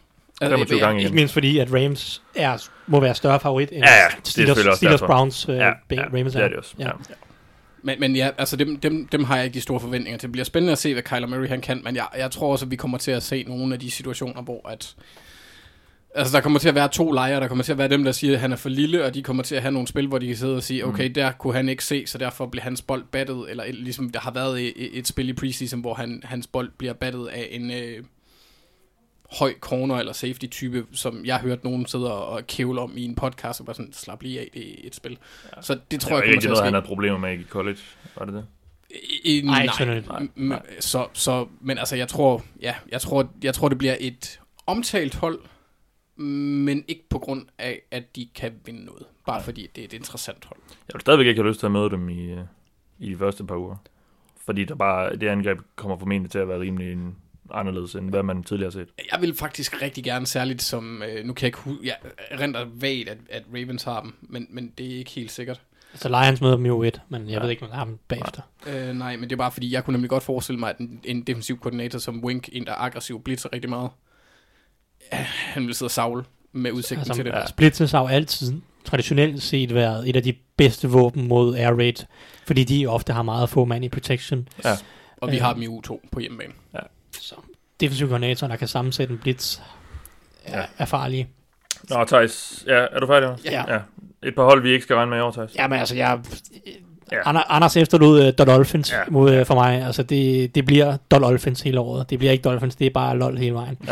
Ja. um, så Dolphins, de, um, de vinder ikke noget i år. Og det er også fair nok. Altså, de er gået i rebuild, og det er, hvad det er. Hmm. Håbet for dem er, at ja, på et eller andet tidspunkt skal de give Josh Rosen noget spilletid, men nu, når, nu lader de nok lige Fitzpatrick tage de første par tæsk.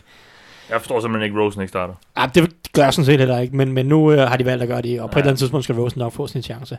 Håbet for dem er, at, at finde nogle unge spillere, som, som de kan bygge videre med i fremtiden. Altså, de har jo unægteligt hentet en del ube- ukendte navne ind, og de har en del draft, ja, de har ikke så mange draft, men u- undrafted free agents og så videre. De har en, en, en mand, som har spillet i Canada, der hedder Sam Igua- Iguawoven, eller noget stil linebacker, som ser ud til måske at kunne starte. Og det er jo sådan nogle typer, de skal prøve at finde ud af, om de kan finde i år, Ja. ja. så de kan bygge videre på i fremtiden. Men altså, de kommer ikke til at vinde ret mange kampe i år, og det er så fair nok. Hvad er med? Øh, så har jeg taget Redskins, fordi øh, jeg tror bare ikke ret meget på deres angreb. Der, der, det er talentfattigt. Øhm, det er Case Keenum, der starter sæsonen, og lidt ligesom med Rosen, så skal Dwayne Haskins nok komme ind på et tidspunkt, øh, når de lige har tabt en 3-4 kampe mere, mm. End de har vundet. Om det så bliver lige uge 4, 5, 6 eller, eller derefter, det ved jeg ikke, men det bliver ikke i år, at Redskins de rigtig kommer til at gøre skade på noget som helst, tror jeg. Øhm, ligesom Dolphins handler det. For dem handler det om Haskins. Altså det handler om at få ham integreret langsomt i NFL, vende til tempoet, og så ellers bare håbe på, at han, han ligner en fremtidens øh, franchise quarterback, når han så engang kommer på banen.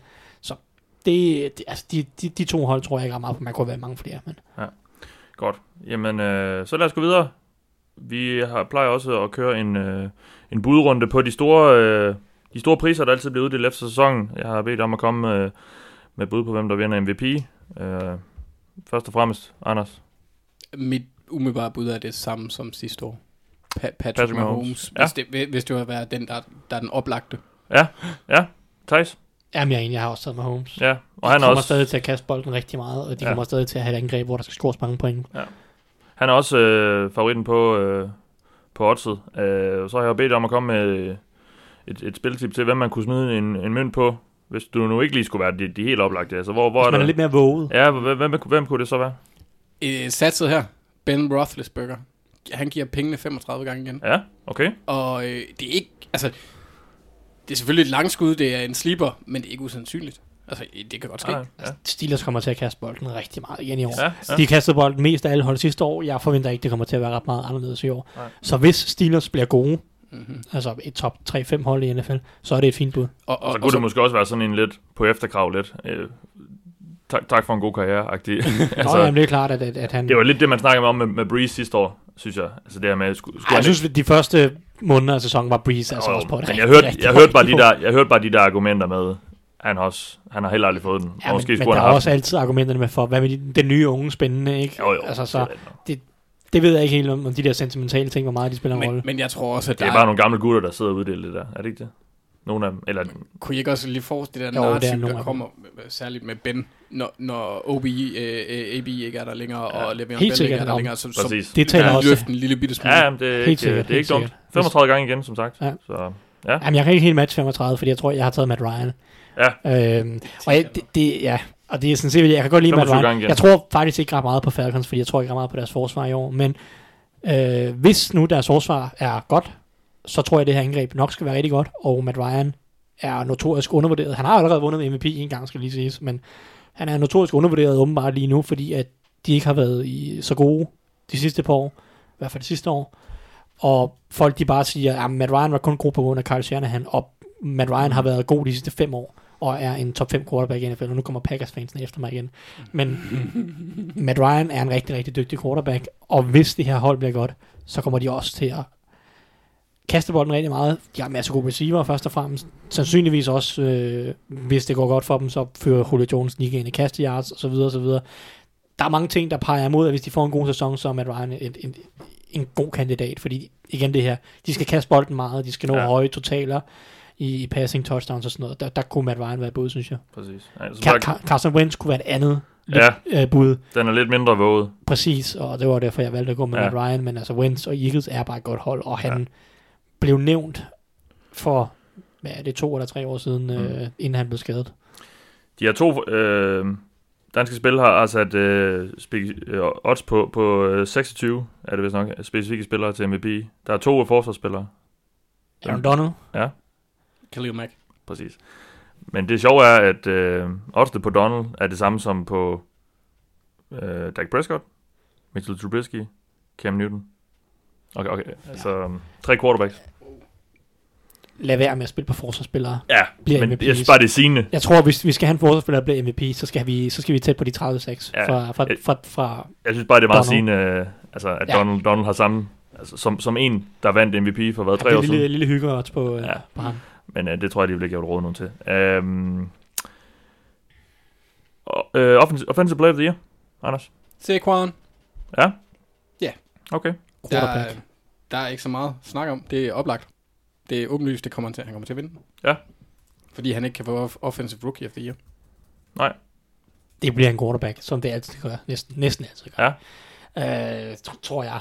Og jeg vil sige det bedste bud, hvis det ikke bliver en quarterback, så bliver det en wide receiver. Øhm, det er bare en kast unik af wide receivers. Har bare større chance for at få en make sæson, tror jeg. Det kan godt være Barkley, hvis han kan lave en, hvad skal vi sige, en 1000-1000 sæson, altså løb for over 1000, grib for over 1000, Ja. så kan det være, at han er et bud. Men som udgangspunkt, som udgangspunkt vil jeg sige, at det bliver med Holmes igen, fordi han bliver MVP, så er han også den bedste offensiv spiller, sandsynligvis. Ja. Men, men ellers så, hvis du går ind i receiver, så er Hopkins og Julio Jones de bedste bud. Hopkins, fordi han måske kunne gribe ufattelig mange touchdowns. Julio, fordi han kunne gribe ufattelig mange yards. Ja. Og forhåbentlig også for en gang skyld i hans karriere. Mange touchdowns også. Han har kun været over øh, 10 touchdowns en gang i karrieren, Ja, ja, hvilket virker helt absurd, fordi Ja. ja. han snitter sådan noget. Han snitter over 1500 yards, tror jeg, set ja, over de sidste men fem det er jo år. det der med de touchdowns der. Han vil igen. Også fordi han, øh, men er det ikke også noget med, han bliver stort set aldrig takket i, takket Jo, i, men noget i red ligger, på- noget af det ligger på trænerstaben. Ja. Ja. Forhåbentlig øh, kan, kan, hvad hedder det, Dirk Cutter finde måder at finde Julio Jones på Ja. ja. i, i red zone i år. Ja. Ja. Det vil være et stort boost for Falcons. Gider vi overhovedet snakke om defensive player year? Altså, der er, ikke, der er ikke nogen diskussion af det. Nej. Nej. Aaron Donald? Ja. Godt. Uh, offensive rookie of the year? Jamen, det bedste bud er Kyler Murray. Ja. Det er også en- langt hen ad vejen en quarterback-pris. Og Kyler Murray får lov til at starte fra U1 af sæsonen. Og hvis han bare er nogenlunde kompetent, så er han et godt bud, fordi Haskins og Daniel Jones kommer til at skulle vente på deres chance i år. Mm. Anders? Jeg, jeg, jeg, jeg plejer at køre med... Altså, jeg er enig i, at Thijs, det, det, er o- oftest går til den quarterback, der har startet flest kampe øh, og gjort det sådan nogenlunde. Mm. Jeg tror i år, fordi... De gjorde det så ikke sidste år. Nej, lige præcis. Øh, men det var også et specielt år. Øhm, Og en speciel mand. en meget speciel mand. Jeg tror ikke rigtig på nogle af de quarterbacks, der er blevet taget i år. Jeg tror for den sags skyld heller ikke rigtig super meget på de receivers, også fordi det er svært som førsteårs receiver at gå ind og dominere. Så jeg tror på running backs, og her tror jeg, at en gut som Miles Sanders, som de har i Philly, han kan gå hen Okay, og, ja. og, og blive ret interessant. Øhm, Han giver også en, en hæftig 22 gange pengene igen. Ja. Så det er, øh, det er, det er lidt et sats. Men, øh, men det var det er min, sådan, i, i min verden er han favorit. Også, og det er jo så også, fordi jeg har så også spurgt jer om, om bud på, på Dark Horses. Ja. Så det må han jo så også være. Nej, der har jeg en anden en. Nå, okay. Ja, ja. Altså, Jeg, jeg er faktisk, jeg, jeg, det kan godt være, at jeg lyder lidt tos, men jeg er alvorlig i, at jeg tror på, at han er en af favoritterne. Miles til. Sanders. Øh, ja. Ja. ja, fordi jeg tror på, at han kan få nok, altså jeg tror på, at han kan få nok yards til at, at, at blive brugt på, på nok forskellige måder. Plus, han har været, han har været Saquons backup. It, gotta happen. Øhm, nej, Devin, uh, Devin Sil- Singletary i, i Bills er min dark Ja. horse. En Øhm, god- god dark horse. så ja. Har ingen odds på ham. Det er kun 10 gange igen. Singletary? Ja. Okay. Nå, det var vildt nok. Altså, Okay, okay så bytter jeg rundt på dem. her. Hvad siger øh, David Montgomery? Fordi jeg er chokeret. Sidst jeg tjekkede, synes, 25 gange. det, er, det chokerer mig helt vildt. Fordi han er den eneste rookie running back, udover Josh Jacobs, som har fået starterjobbet. Ja. Ja, Josh Jacobs giver ikke ret mange gange pengene igen. nej, 9 gange. øh, og, og en af favoritterne. Ja. David Montgomery i et angreb, som er løbeglad, bag en ret god offensiv linje, har efter sine har kun hørt positive ting fra det. De pjattet med ham. Personligt kunne jeg også rigtig godt lide ham i draften. Øh, jeg havde ham ret tæt på Josh Jacobs, øh, som den bedste running back i draften. Der var andre, der var bekymret for hans manglende fart, men jeg, jeg er ret sikker på, at han kommer til at være rigtig god for dem. Ja, men det er måske et spiltip, der er så 25 gange igen. Altså, jeg var, jeg var, da jeg så oddsene 25, så var jeg chokeret på David Ja, Montgomery. ja, ja. Nu siger jeg, at det bliver en quarterback-pris, og det tror jeg også stadig på. Ja, Kyler Murray er også den klare favorit. Men øh, hvis på- man ikke på går med en quarterback, så var David Montgomery klart min toer Mm. øh, overhovedet. Ja. Og, og, og, der, og der, det, det overrasker mig, at der er så mange running backs, der ligger foran ham i køen.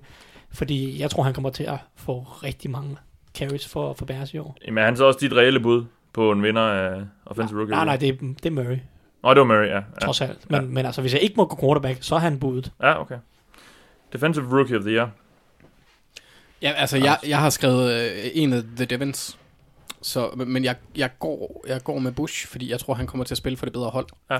Øh, over Devin White i, i Buccaneers, så tror Det må jeg. man ikke anerkende de her priser. Gode hold for hype, gode spillere på gode hold for hype, Mm. vinder priser. Ja. Lige præcis. Og jeg tror også, at, at øh, når man... Hvis vi er i den situation, hvor han ender med at vinde den, så er det også fordi, at, at Steelers angreb er blevet bedre. Øhm, og der er den væsentlige... Forsvar. Ja, forsvar, undskyld, ja. Forsvar er blevet bedre, og der er den væsentligste forskel i forhold til sidste år. Det er Devin Bush. Der er ikke de store forskelle ellers. Øhm, så ja, det er ham, øh, jeg satser på, som er Ja. ja. min favorit. Men det tror jeg egentlig også... Ja, det er han også ifølge danske spil. Ja. Han er faktisk øh, også rangeret højere end White. Ja, lige øh, med et mulehår. Ja, 8 og Bu- 6. Bush, nej, Bush giver syv gange igen nu. Nå. Og Devin White giver 7,5. Jamen, jeg er sådan set... Så de giver også lige... Øh, jeg har også fordelen. taget David, David Bush, må Ja. jeg sige. Øhm, Det er mange- også et, mange håb. mange af de samme grunde, og så er, var han jo, det glæder mig at sige som Steelers fan, men han var jo min helt store draft crush i, Ja. ja. i år, og så at sige, han havde, jeg havde ham som min tredje bedste spiller i hele draften, på tværs af alle positioner. Jeg har store forventninger. Nu må vi se, om, om det er op. Altså, jeg, han er også min favorit, så at sige. Ja. Ja. Linebackers har det med at lave mange taklinger, og det kan folk, der stemmer på sådan nogle ting, godt lide. Ja, uansagelige årsager, selvom det ikke siger noget om noget. Rigtigt. Ja. Nå, nok om analytics. Comeback player of the year. Jo, skal vi tage Dark Horse på, på Defensive Rookie? Uh, jo, undskyld da, selvfølgelig. Hvem har du? Jeg har to lidt. Jeg, jeg, har, jeg skal et Oliver, som i parentes. Ja. Ja. Var det ham, du havde? Eh, nej. Okay. Øh, så, meget, så høj er oddsen heller ikke på ham. Så 13 jeg, gange igen. jeg går med en, som slet ikke er på listen. Okay. Som jeg også nævnte tidligere på foråret. Det er Donald Savage. Oh.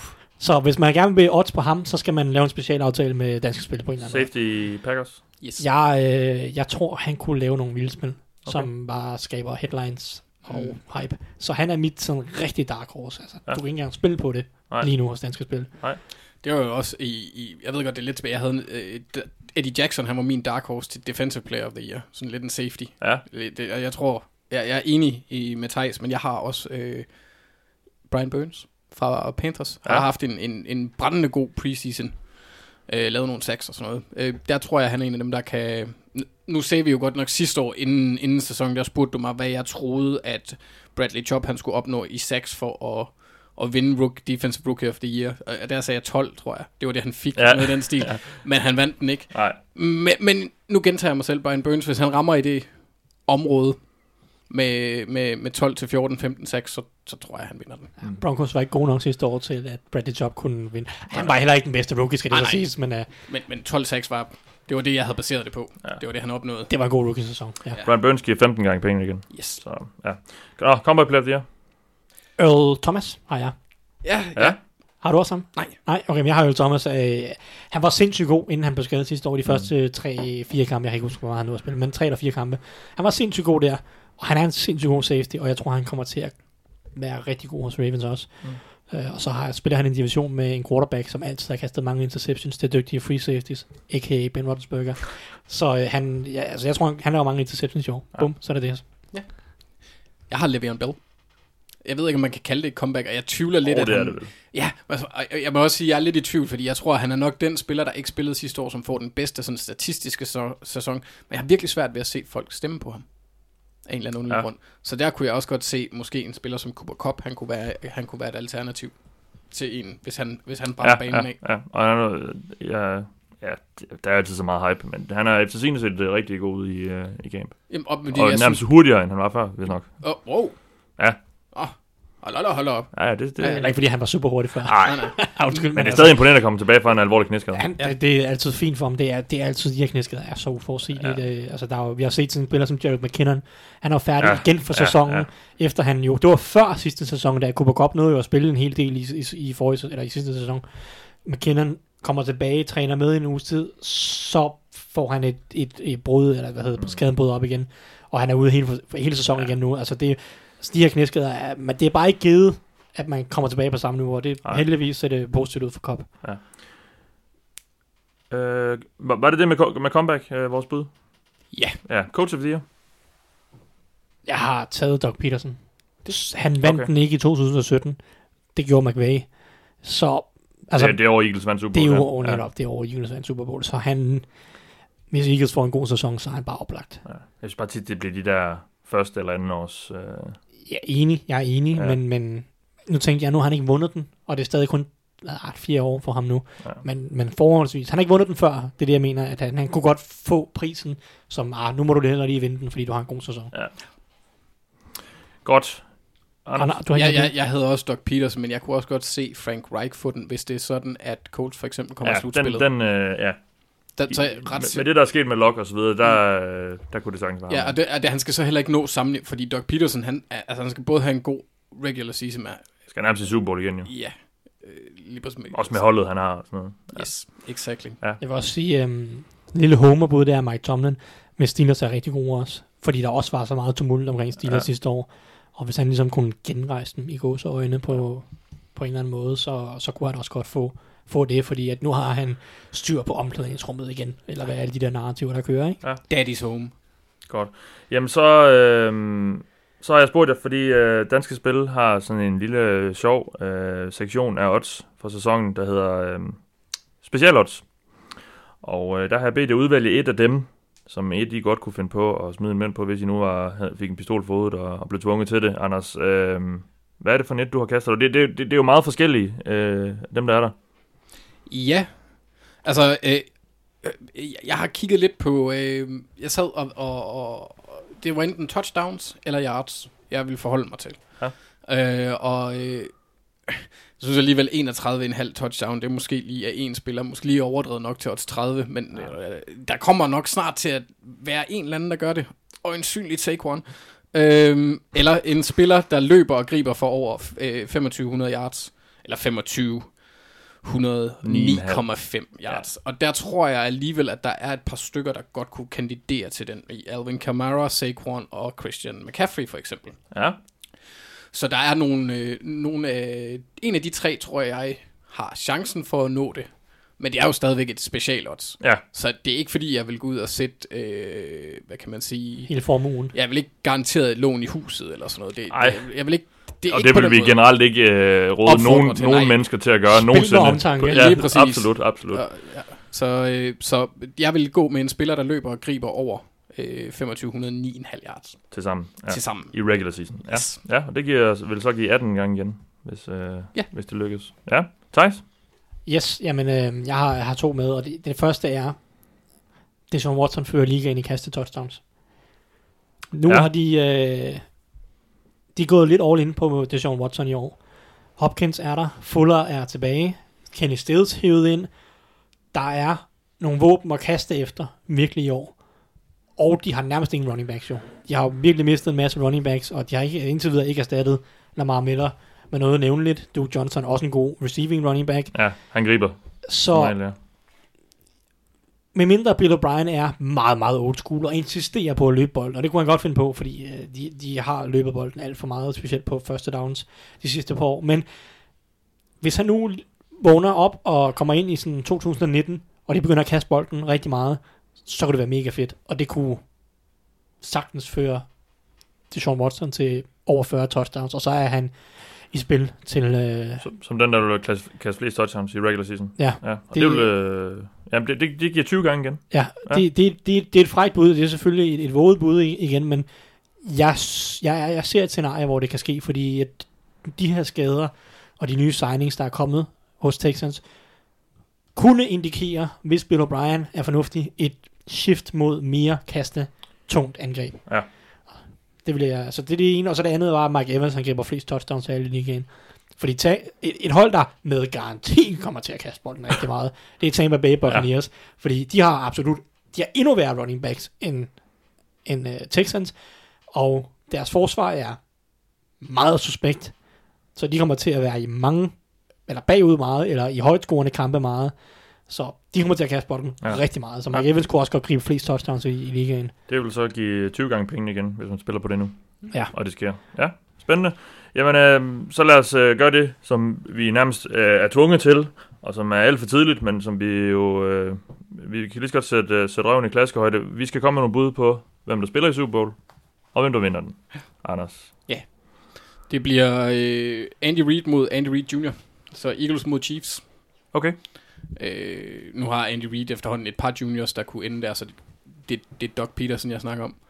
Øh, Ja. så, og, og jeg tror, at Eagles tager den. Okay, ja.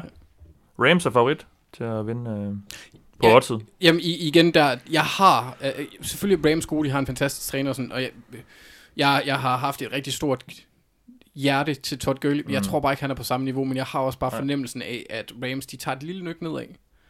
Øhm, Jeg synes faktisk, det, øh, det, det er heller ikke et dumt øh, bud på, på noget, man kunne smide øh, lidt penge på. Altså Eagles øh, odds, odds 8. Altså, det, selvfølgelig er der meget, der skal lykkes. Øh, Ja. Det, det er altid risky at spille Ja. på uh, Super Bowl ja, på det her det. tidspunkt Ja. af sæsonen, der kan ske så meget. Præcis. Men, Men, øh, øh, jeg tror, at det største problem for Rams er deres offensiv linje. Det er den, Mhm. jeg frygter Ja. allermest øh, med afsked, Ja. afgangen af Roger Saffold og John Sullivan. Der er nogle unge dudes der, der skal steppe op. så du øh, siger Eagles Chiefs, Anders. Yes. Og så venter vi lige med, med at høre, hvem du tror, der vinder den. Ja. Thijs? jeg har på imponerende vis øh, taget to andre hold. Okay. Og det er, jeg har taget Patriots og Saints. Ja. Så altså, vi, vi, snakker, vi rammer stadig de fire hold, som vi snakker om, vil være toneangivende. Ja. Og det er super kedeligt. Øhm, men Patriots er, ja, Patriots er super kedelige, det er dem igen, igen, igen. Men jeg tror, de er gode, og jeg synes ikke, der er så mange andre gode hold i AFC. Så øh, go Belichick og Brady igen. Uh. Ja. Ja. Øhm, og så øhm, Saints, som har været så tæt på de sidste par år. Men bare ikke lige at lykkes. Og det kan godt være, at Drew Brees måske ikke vil være på det niveau, han var startet 2018 på. Men det er jeg heller ikke sikker på, at der er behov for, for, for, for dem, Mm. hvis de skal Super Bowl. Øhm, jeg synes, de har fået flere våben ind på angrebet.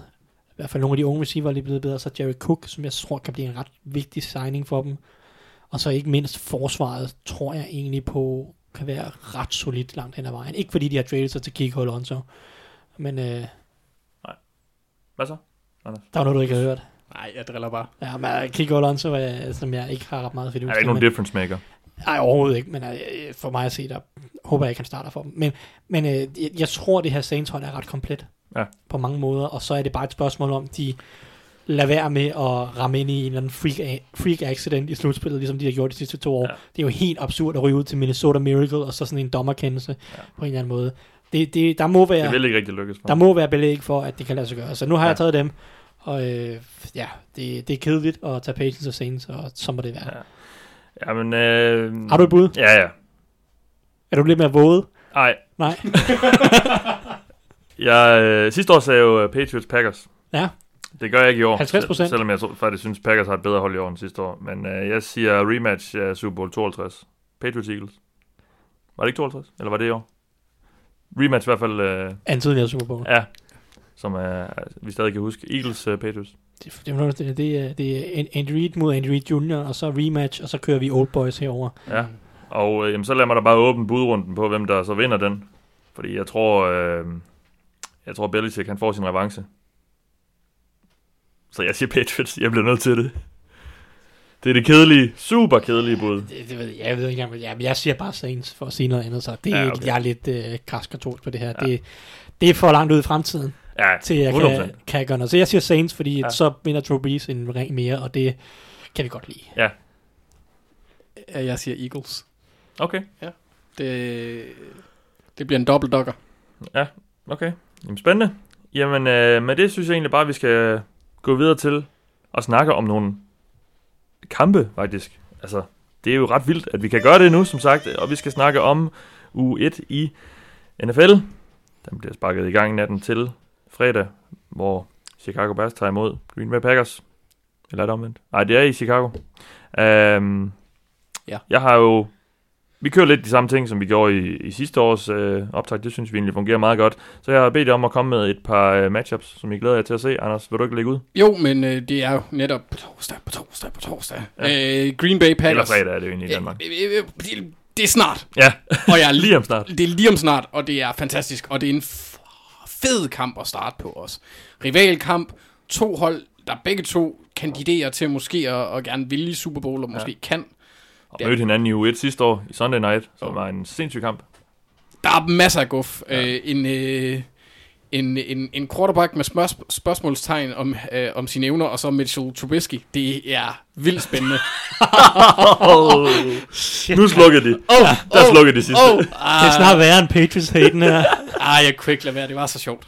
Men, men der er bare så mange, altså der er, øh, der er fede spil, øh, matchups i receiver mod corner øh, på begge sider øh, af bolden. Der er Devante Adams mod undskyld, øh, Carl Fuller eller Kamara, øh, afhængig af, hvor han ligesom placerer sig på banen. Øh, Allen Robinson bliver vildt spændende at se, hvad, hvad, om hvem Packers de sætter på ham, er det Jair Alexander, hvad kan Daniel Savage, kan han fuck med Trubisky, så han kaster 40 interceptions. Og sådan. Jeg, der er så mange ting, jeg glæder mig til at se. Og ikke mindst, hvordan Packers forsvar kommer til at tage sig ud. Tage sig ud. Sådan, øh, hvordan de øh, får brugt øh, det ammunition, som de har lavet op med i løbet af offseason i de to Smiths. Og, øh, og den, den nye øh, strong safety Adrian Amos og Donald Savage. Altså, ja. der er rel- relativt mange vigtige nye spillere. Amos, der kom fra Bears. Ja. Lige præcis. Ja. Øh, så han, han, han, han løber sikkert ekstra hurtigt øh, og rammer ekstra hårdt. Øh, ja, så det, det er... Det, det, det, ja, jeg, jeg er lige blevet øh, mundlam af passion over, over, og Ja. glæde over det her. Der er bare så mange øh, fede ting. Jeg kan også godt... Jeg, jeg er spændt på at se Bears linje, hvordan den kommer til at... Og, og, og være over for den øh, øh, front 7, som, som Green Bay har, og her er det fordi på papiret har de egentlig en rigtig god linje. De har, de har i hvert fald postet penge i den. Øh, de har øh, Leno Jr. på, på venstre tackle, som er sådan okay. Og, og så øh, har de lige givet Cody White her en ordentlig pose penge. Jeg kan ikke huske 54 millioner, eller for jeg, kan ikke helt huske, men han fik en lang Ja. i går eller sådan noget. Og, og de har Kyle Long, så, så jeg er rigtig, rigtig spændt på at se, hvordan, øh, hvordan de ligesom t- fører sig frem inde på den, på den indvendige del. På den offensive del er jeg spændt på at se øh, to ting. Det er, hvordan sådan de spæde skridt i forhold til Rodgers og Lafleur, hvordan øh, angrebet kommer til at, at udfolde sig. Og så er jeg spændt på at se, hvor Mitchell Trubisky han er lige nu. Øh, om han fortsætter med at, at, at tage de der beslutninger, hvor du har lidt fornemmelsen af, at han, der er noget, han ikke ser. Kaster med lukkede øjne nærmest. Ja, ja, men hvor, hvor, hvor han efterlader spil på banen. Ja. Så jeg, fordi hvis, hvis, han tager, hvis han tager et skridt op, så kan Bears blive uhyggelige. Øhm, så der er bare rigtig, rigtig meget, øh, Ja. jeg glæder mig til at se. Jeg glæder mig selvfølgelig også til at se Khalil Mack, men det gør jeg altid. Han er, han, ham skal man helst ikke misse. Ja, så er der også bare det lange perspektiv. Ikke? Det er en utrolig åben division. Ja, Ja. det Og helt det, tosset. det kan på en eller anden måde blive ret afgørende, Mm. Ja. hvad der sker nu her. Lad os få en matchup for dig, Thijs. Ja, men jeg har taget et, ikke et matchup af to spillere direkte over for hinanden, men Nej. så alligevel, øhm, det er Sam Darnold, eller det Cameron Jr. Jr., som han jo retteligt hedder, øhm, og så øh, Josh Allen. Fordi Jets og Bills mødes i den her U1, og det er jo to hold, der har investeret tungt i den her årseason. Der er virkelig pumpet nogle ressourcer efter at specielt omgive de her unge to quarterbacks med nogle våben og nogle bedre spillere. Begge offensive linjer har fået flere tilgange for at opgradere dem. Der er hentet nye receiver en ny running backs, øh, begge, begges tilfælde. Og hele hele AFC East på en eller anden måde, eller i hvert fald de to hold, er jo bygget op, de vil jo have et wildcard, de vil jo med i slutspillet, de her to nu. De er jo all inde på de her to unge quarterbacks. Bills har været på vej i lidt længere tid, og nu Jets starter så med en ny coach og alt muligt, men, men der er også virkelig investeret økonomisk i at få sammensat en eller anden trup, der kan snige sig med i slutspillet, eller gøre sig håb om at snige sig med i slutspillet ja. Ja. i hvert fald. Der, det er på en eller anden måde, også, altså, så er det også bare to unge quarterbacks, som var rookies sidste år. Hvor står de nu? Hvor, hvor meget har de udviklet sig? Fordi Josh Allen, overordnet set, var han nok en bedre quarterback, end mange havde forventet. Måske ikke så meget, fordi at han var en fantastisk kastende quarterback, men de Fordi han, vores forventninger var så lave. til, det, til dels, men, Ja. ja. men han kan lave en hel del ting med, med, med sine ben, og, og har også bare det her big play potential på en eller anden måde. Han har virkelig nogle, nogle højdepunkter. Og så hvis han bare kan blive lidt mere consistent præcisionsmæssigt på, på nogle af de der spil, som er i godsøjne de lette spil, de spil, du bare skal lave for at få det angreb til at flyde på en eller anden måde, så, så, så kan han jo blive rigtig god. Og, og Darnold viste i hvert fald mod slutningen af sæsonen rigtig, rigtig meget potentiale. Det startede lidt mere lunken fra hans side, men hvor, hvor gode er de i sæson 2? Det her, det bliver jo, det bliver jo et det bliver jo en rivalisering i mange år ude i fremtiden. Darnold mod Josh Allen. De kommer til at være i samme division. De er draftet samme år, øh, med, med kun nogle få picks imellem.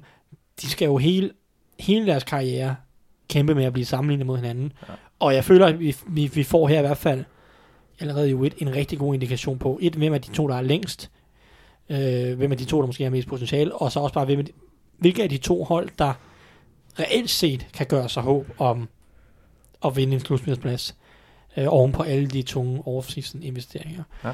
Øh, og det er klart, det er jo et, og nogle gange er resultaterne mærkelige, og så falder holdene sammen, eller bliver meget bedre bagefter, men jeg føler godt, at vi kan få en rimelig pæn indikation på, hvilke af de her to unge quarterbacks, der har haft bedst af en off-season i NFL. Anders, et uh, matchup mere? Ja, jeg glæder mig øh, rigtig meget til at se Devin Bush mod Tom Brady. Ja. Øh, Så er vi to. Yes. øh, jeg, jeg skulle også lige til, jeg har, jeg har kanaliseret min indre tejs her. Øh, nej, jeg elsker typisk de her øh, dueller, hvor at, at du har en øh, god middle linebacker mod en, øh, en god quarterback. Eller en elite quarterback. Jeg, jeg, jeg Jeg ved ikke, om han er god endnu. Lige præcis. Men en formodentlig god. Det er også derfor, ja. jeg, han er ikke elite. Det ved jeg ikke.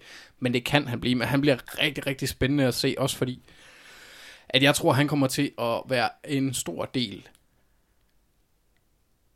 af action, om man vil. Altså, jeg tror, Patriots kommer til at gå meget ind over midten, eller at bruge, bruge øh, i forhold til deres personel lige nu. Altså, Gronk er der selvfølgelig ikke længere, men de har relativt mange små øh, ukendte. De har Josh Gordon, der er stor, og så resten af deres receivergruppe, det er jo Julian Edelman og Gunnar Olszewski, Jacoby Myers, Matthew Slater, og så glemmer jeg Fedt at en. Lige præcis. Så det er nogle, nogle relativt øh, små fikse labaner. Så jeg tror, han kommer til at være rigtig, rigtig, rigtig vigtig, også i forhold til opdækningen af running backs. Øh, kastespil, der glæder mig til at se, hvordan han, øh, han får foldet sig ud. Og øh, jeg, har, jeg har et godt øje til ham. Han, han er jo også en spændstig, hurtig lille fætter, ikke? Altså, Ja, Devin Bush, ja. Ja, han, Ja. ja. han løb en 4-4-3 øh, til, til combine, så det, det, det er sådan en type spiller, som man ikke rigtig kan andet end at fælde sig en lille bitte smule i, fordi han er over det hele. Øhm, og så øh, hans første prøve bliver mod, øh, mod, mod den mest vindende quarterback i, i historien. Det ja, er lige Det er lidt af en mundfuld. Ja, det, men jeg tror, det bliver sjovt. Ja. Og, og, og, og jeg har også jeg har lidt en, øh, en større, et, et godt øje til, til Steelers i år. Jeg tror, at, at holdet bliver lidt bedre, Ja. end de var sidste år. Særligt på forsvaret, tror jeg, der kommer til at ske en forskel. Okay, ja. Og der er han katalysatoren for størst del af den. Ja, det formentlig, ja. Thijs, et, øh, et matchup for dig? Ja, og øhm, jeg kigger mod NFC den her gang. Og jeg glæder mig rigtig meget, fordi eller til at se Minnesota Vikings mod Atlanta Falcons. For nu har vi snakket meget om Eagles og Rams og Saints og de her. Men vi snakkede også, vi fik også nævnt det kort, Vikings og Falcons er nogle af de her hold, der er lige slipstrøm af dem, som hvis de får en god sæson, så kan de kæmpe med om en NFC-titel for eksempel. Og det her forsvar, Vikings har, er jo, det, det er jo deres store drivkraft. Det skal være deres store drivkraft i hvert fald i en forstand. Jeg tvivler på, at Kirk Cousins han begynder bare at rive bolden rundt i hele managen og, øh, og, og bære angrebet på den måde. Så det er forsvar, der skal være kernen på de her Vikings hold. Omvendt er det jo også angrebet, der skal være kernen på det her Falcons hold. Og der er, nogle, der, er- der er jo sindssygt gode spillere på begge sider af bolden. Og der er nogle matchups, hvor man virkelig får testet nogle af de afgørende ting, som der har været fokus på i offseason for begge hold. Falcons har haft stor, stor fokus på den offensive linje. Drafter to offensive linjefolk i første runde, har derudover signet et par guards, og generelt virkelig, virkelig bare pumpet ressourcer mm. i at få den her offensive linje op på niveau, så Matt Ryan virkelig kan folde sig ud. Og Der, der er bare nogle sindssygt gode matchups her. Jeg ved ikke helt, om Caleb McGarry han er klar til U1. Han er først lige kommet tilbage i træning. Ovenpå, han, har, han må gennemgå en, en mindre operation, en hjerteoperation. Øh, så jeg ved ikke, om han starter her i U1. Men uanset hvad, så er der i hvert fald et matchup med enten Caleb McGarry eller Tyson Bradio, som så vil være erstatning på højre tackle, mod en type som Daniel Hunter. Mm. Sindssygt afgørende. Generelt bare en rigtig, rigtig god test for den her Falcons offensive linje. hvor klar er de, fordi der er jo også spillere som Linval, Linval Joseph, og nu ved jeg ikke, hvor god Everson Griffin er på nuværende tidspunkt, men der er virkelig nogle, nogle gode spillere der. Omvendt, Falcons har nogle vanvittigt gode receiver, og, og en af de ting, jeg er allermest interesseret med hos Vikings i år, øh, det er deres defensive backs, faktisk deres cornerback-gruppe. Fordi på papiret ser det jo godt ud. Der er gode navne. Trey Waynes første rundevalg, Xavier Rhodes første rundevalg, Mackenzie Alexander anden rundevalg, som spillede godt sidste år, øh, Alexander, hvad der mærket. De har også Mike Hughes, som de valgte i første runde sidste år, som er på vej tilbage efter. Han så lovende ud, inden han blev skadet. øh, Ja, husker præcis. Han startede for dem i sidste år, inden han blev skadet. Og, han, jeg ved ikke helt, om han er klar til at spille nu, det er jeg ikke helt sikker på, men han er på vej tilbage fra en korsbåndsskade. Men der er også bare det, at Xavier Rhodes spillede sin dårligste sæson i lang tid sidste år hos Vikings, og har ikke set ret god ud i preseason. Det er preseason, man skal passe på, men når man husker sidste år også, hvor han ikke var det på, på det niveau, som han var i 2017, vel at mærke, så er der måske grund til bekymring. Og nu i første uge her, Julio Jones.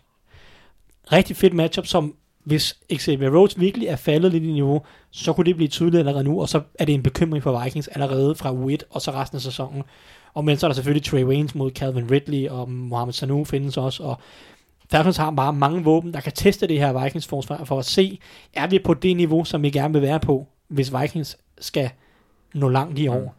Mm. Øh, så, så det er det, det bliver bare et, et super fedt matchup med mange store spillere, og vi har ikke engang nævnt uh, Harrison Smith og, og mange af de andre gode Vikings-spillere. Altså, der, der er virkelig mange gode spillere på banen, når de to enheder står over for hinanden, og begge enheder skal være den bærende kraft på deres hold, og det bliver bare en rigtig god test her allerede i U1. Ja. Så det glæder jeg mig rigtig meget til at se.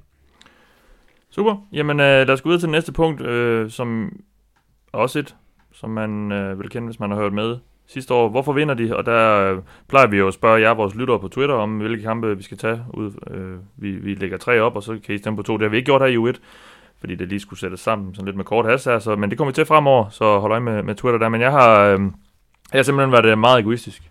Og så har jeg simpelthen bare valgt kampene. Ja. Og, øh, og fordelt øh, holdene på, på jer. Du er en benhård diktator. Ja, og øh, den første er Panthers mod Rams. Anders, Ja. hvorfor vinder Panthers? Jamen, jeg, jeg synes, den er svær, fordi alt afhænger jo af, om Cam Newton han er på banen. Han ja. render jo stadigvæk rundt og har lidt bøvl med fødderne. Øh, men vi- lad os gå ud fra, at han er. Ja, nu er det fødderne, ikke skulderen. Han, øh, ja, jeg, jeg Eller går foden. Ja, foden. Ja, selvfølgelig. Vi skal ikke have, at Nej. Rex Ryan lige pludselig kommer ind i lokalet. øhm, så de vinder. Øh, jeg synes, den er, altså ikke, ikke kun fordi den er svær, men også fordi, at det nærmest virker som om, at øh, Greg Van Roden, som jeg går ud fra, er ham, der skal starte på venstre guard, og hans øh, centermakker øh, i Matt Paradis, de, de skal finde og dele som Thanos Infinity Gauntlet for at stoppe Aaron Donald. Øhm, nej, Panthers vinder, fordi de egentlig har spillerne og spilkalderne til det. Øhm, jeg tror på, at øh, de, de skal nok kunne få flyttet bolden på jorden. Det har, det har Rams vist, at der er de sådan, øh, de er ikke dårlige, de er heller ikke vildt gode til at stoppe bolden på jorden. Og det, det, jeg, jeg er ret sikker på, at, at McCaffrey han nok skal, skal få nogle yards der. Og så tror jeg også, at Panthers øh, wide receivers er bygget til at ramme Rams svaghed. Øh, nemlig også lidt midten af banen, selvom de, altså, de har nogle gode safeties i øh, John Johnson III og Eric Weddle. Eric Weddle er en, jeg elsker Eric Weddle, en af mine absolute yndlingsspillere, ja. og, og var trist, da han forlod os, men han er ikke hurtig længere. Og der har Panthers bare nogle receivers i Curtis Samuel og DJ Moore, som kan bruges på rigtig, rigtig kreative måder ind over midten og til at, at lave forskellige krydsningsruter eller jet sweeps og alt muligt spændende. Plus der har været et hype omkring Curtis Samuel i den her offseason, som jeg ikke har set før. Selv Thijs har nævnt ham, og, og så plejer der at være lidt om det. Øh, det kan godt være, at jeg giver Thijs lidt for meget kredit her, men han plejer at have ret. Øhm, jeg kan også kalde ham Thijs' nye love child. Curtis Samuel her. øhm, så ja, der tror jeg, at, øh, at både deres corners og linebackers får svært ved at følge med ind over midten. Øh, Marcus Peters og Akib Talib er gode fysiske corners. De er ikke super hurtige. Øh, Marcus Peters tager nogle chancer engang imellem. Der kan han godt blive, øh, blive snydt af en hurtigere, ja. lidt mere fix ruteløber. Øhm, på forsvarssiden, så synes jeg, at, at Panthers har en fordel på de forreste syv pladser. Øhm, så jeg tror godt, at de kan stoppe Gurley, som, som, som skræmmer mig, men på en negativ måde, fordi jeg, jeg ved ikke, hvad, hvad han er. Sidst jeg så ham, så han ikke godt ud. Øhm, og, øh, og Henderson tror jeg også godt, at de kan stå. Ham ved jeg af gode grunde ikke, hvad er i NFL. Deres rookie fra i år. Nej. Øhm, men, men jeg tror godt, at, at Panthers defensiv kan udnytte Ramses offensiv linje, hvor de har Brian Allen som center og øh, Austin Blythe og Joseph Noboom på guardpladserne. Ja. Ja. Og dem er jeg sådan en... en der, der tror jeg godt, at, at Falcons, de kan ud, eller undskyld, Panthers kan udnytte det for deres defensive linje med Gerald McCoy, med Kawan Short, med Don Terry Poe på indersiden der. Det er en, en skræmmende mulighed af store, bløde og hårde mænd, man kan, man kan smide ind på banen. Jamen spændende. Øh, jeg har jo bedt jer om også lige at tage et, øh, et odds med på kampen. Og gerne fokuseret på det hold, I så skal, skal snakke om, Anders. Jeg ved ikke, hvad, hvad har du øh, peget, øh, udpeget der? Jamen, altså, der havde jeg, jeg havde set en, og nu ved jeg ikke, hvor, hvor den er blevet af. Den ser ud til at være forsvundet, men jeg havde, øh, der er en over og under på, på, på 45. Altså samlet antal point. Ja, Ja. ja. Jeg, jeg, jeg vil sætte den lavt. Øh, jeg, jeg tror ikke, at der kommer til at blive scoret super mange point. Øh, men der var en... Øh, Den, den ligger på, på 45. Der er en på 45,5. Det, var ikke, øh, det var ikke den, jeg havde fundet, men, men ja, det, det, der var en, hvor man kunne... Øh, jo, det var den her. Under, over, øh, over og under 38 point, tror jeg, i kampen. Inklusiv overtime. 38, Øh, 0,5. og så du, du vil tage under. Lad os køre med den første, jeg nævnte, fordi det her, det forvirrer mig. Ja, okay. øh, jeg, havde, jeg havde fundet noget andet et sted, hvor at, at hvis man ramte mellem 39 og 41 point, så ville det give sådan 15 gange igen. Okay, Noget i den Ah, stil. Og ja. det synes Ja. jeg kunne være lidt sjovt. Men ellers så vil jeg køre over under øh, den første over under, hvad, hvad har de den? Øh, og så vil du, 45,5. du, du vil køre under 45,5. Ja. Okay, Du tror, du bliver lavt scorende. okay. Modtaget. Jamen, uh, Thijs, hvorfor vinder Rams? Ja, men øh, det er sjovt, fordi han siger, det bliver lavt scorende. Jeg har det mit første, største og primære argument for, at Rams de vinder, det er, at de scorer sindssygt mange point i starten af sæsonen. Okay. Okay. De sidste to år, hvor McVay han har været øh, træner hos Rams, der er de snittet 35,5 og 35 point over de første fire kampe I sæsonen. i sæsonen. Kun Ja. én gang har de været under 30 point i de otte kampe, som der også har været spillet der. Okay. Der er nogle af de modstandere, der ikke har været så gode. Panthers er sandsynligvis lidt bedre. Men McVay har jeg en fornemmelse af, er lidt ligesom Andy Reid. Og de, øh, de er ganske opfindsomme, og de hygger sig rigtig meget hen over sommerferien. Sidder bare på stranden med fødderne op, og så ellers så sidder de bare og tegner løs på en eller anden tavle, eller i en bog eller noget. Og så finder de på alle mulige skøre ting, som de defensive koordinatorer har store problemer med at få fat i de første par uger af sæsonen. Øhm, så jeg har egentlig sagt, at mit største argument for Rams sejr, det er, at de får scoret rigtig mange point her, og Panthers har simpelthen svært ved at følge med. Panthers offense er ikke dårligt, men jeg, det er ikke et angreb, som jeg forventer kommer til at være sådan en high-powered, high-octane angreb, der bare basker 35 point ud øh, hver eneste uge. Hvis det bliver en højt skruende kamp, så er det til Rams fordel, tror jeg. Okay. Og jeg forventer, at McVay har også set i lyset af, at hans angreb blev stækket af Bill Belichick i Super Bowl, har han formentlig brugt rigtig meget tid på at sidde og hygge sig og tænke over, hvad gør vi lige med det her angreb? Kan vi finde på nogle fede, smarte ting? Kan, hvordan kan vi lige tweak det, så at det bliver endnu bedre og endnu mere anderledes? Også bare måske har flere nuancer på. Det er i hvert fald noget, jeg har efterspurgt fra, at, at det er mere nuanceret. Der er flere lag på, og der måske er en bedre plan B. Og jeg tror egentlig bare, at Rams skulle mange point. Så vil jeg sige, lidt i forlængelse af det, grunden til, at de scorer mange point, kunne jeg forestille mig vil være, at Panthers secondary er jeg lidt usikker på. Rams har nogle rigtig dygtige receiver, Brandon Cooks, øh, Robert Woods, og så ikke mindst Cooper Cup. Det er en rigtig god receiver-trio, der kan gøre mange ting. Panthers cornerbacks er jeg usikker på. James Bradbury, Bradbury og Dante Jackson kommer til at starte på ydersiden. Og de er udmærkede cornerbacks. Dante Jackson var rookie sidste år. Det er svært at sige, hvor meget bedre, eller om han er bedre i år, men det er okay cornerbacks, men de er lidt op og ned. Det er mest i slotten, jeg egentlig er bekymret, fordi for det første er jeg helt sikker på, hvem der skal starte i slotten for dem. Så vidt som jeg har forstået, så bliver det Javion Elliott, som har været nærmest ind og ud af ligaen på box en del år, blevet kottet en del gange. Øh, det, det siger noget om ham, når han har ikke kunnet vinde et job hos Buccaneers secondary, som har været den dårligste secondary i NFL i efterhånden et par år. Det kan godt se ud som om, han skulle starte i slotten, og han får virkelig hænderne fulde med Cooper Cup og hele McVays angreb. Og der, der, tror jeg, at Panthers DB's godt kunne få svært ved at stoppe de her receiver, specielt hvis McVay han har fundet nogle nye spændende ting frem. Øh, og og det, det taler for, at Rams scorer mange point, umiddelbart. Ja, okay. og, og det tror jeg bare, som sagt, Panthers angreb ikke er givet til at følge med på. Så hvad er dit øh, bud på et, øh, et specialårsmenneske? Ja, det er, at Rams de scorer over 27,5 point i kampen. Okay, ja. Øh, jeg, det giver kun to gange et eller andet 2,05, tror jeg, gange pengene igen, sidst jeg tjekkede. Ja. Øh, og det er selvfølgelig ikke super meget. Man kunne også våge pelsen og sige over 33 eller noget stil, men, øh, Okay.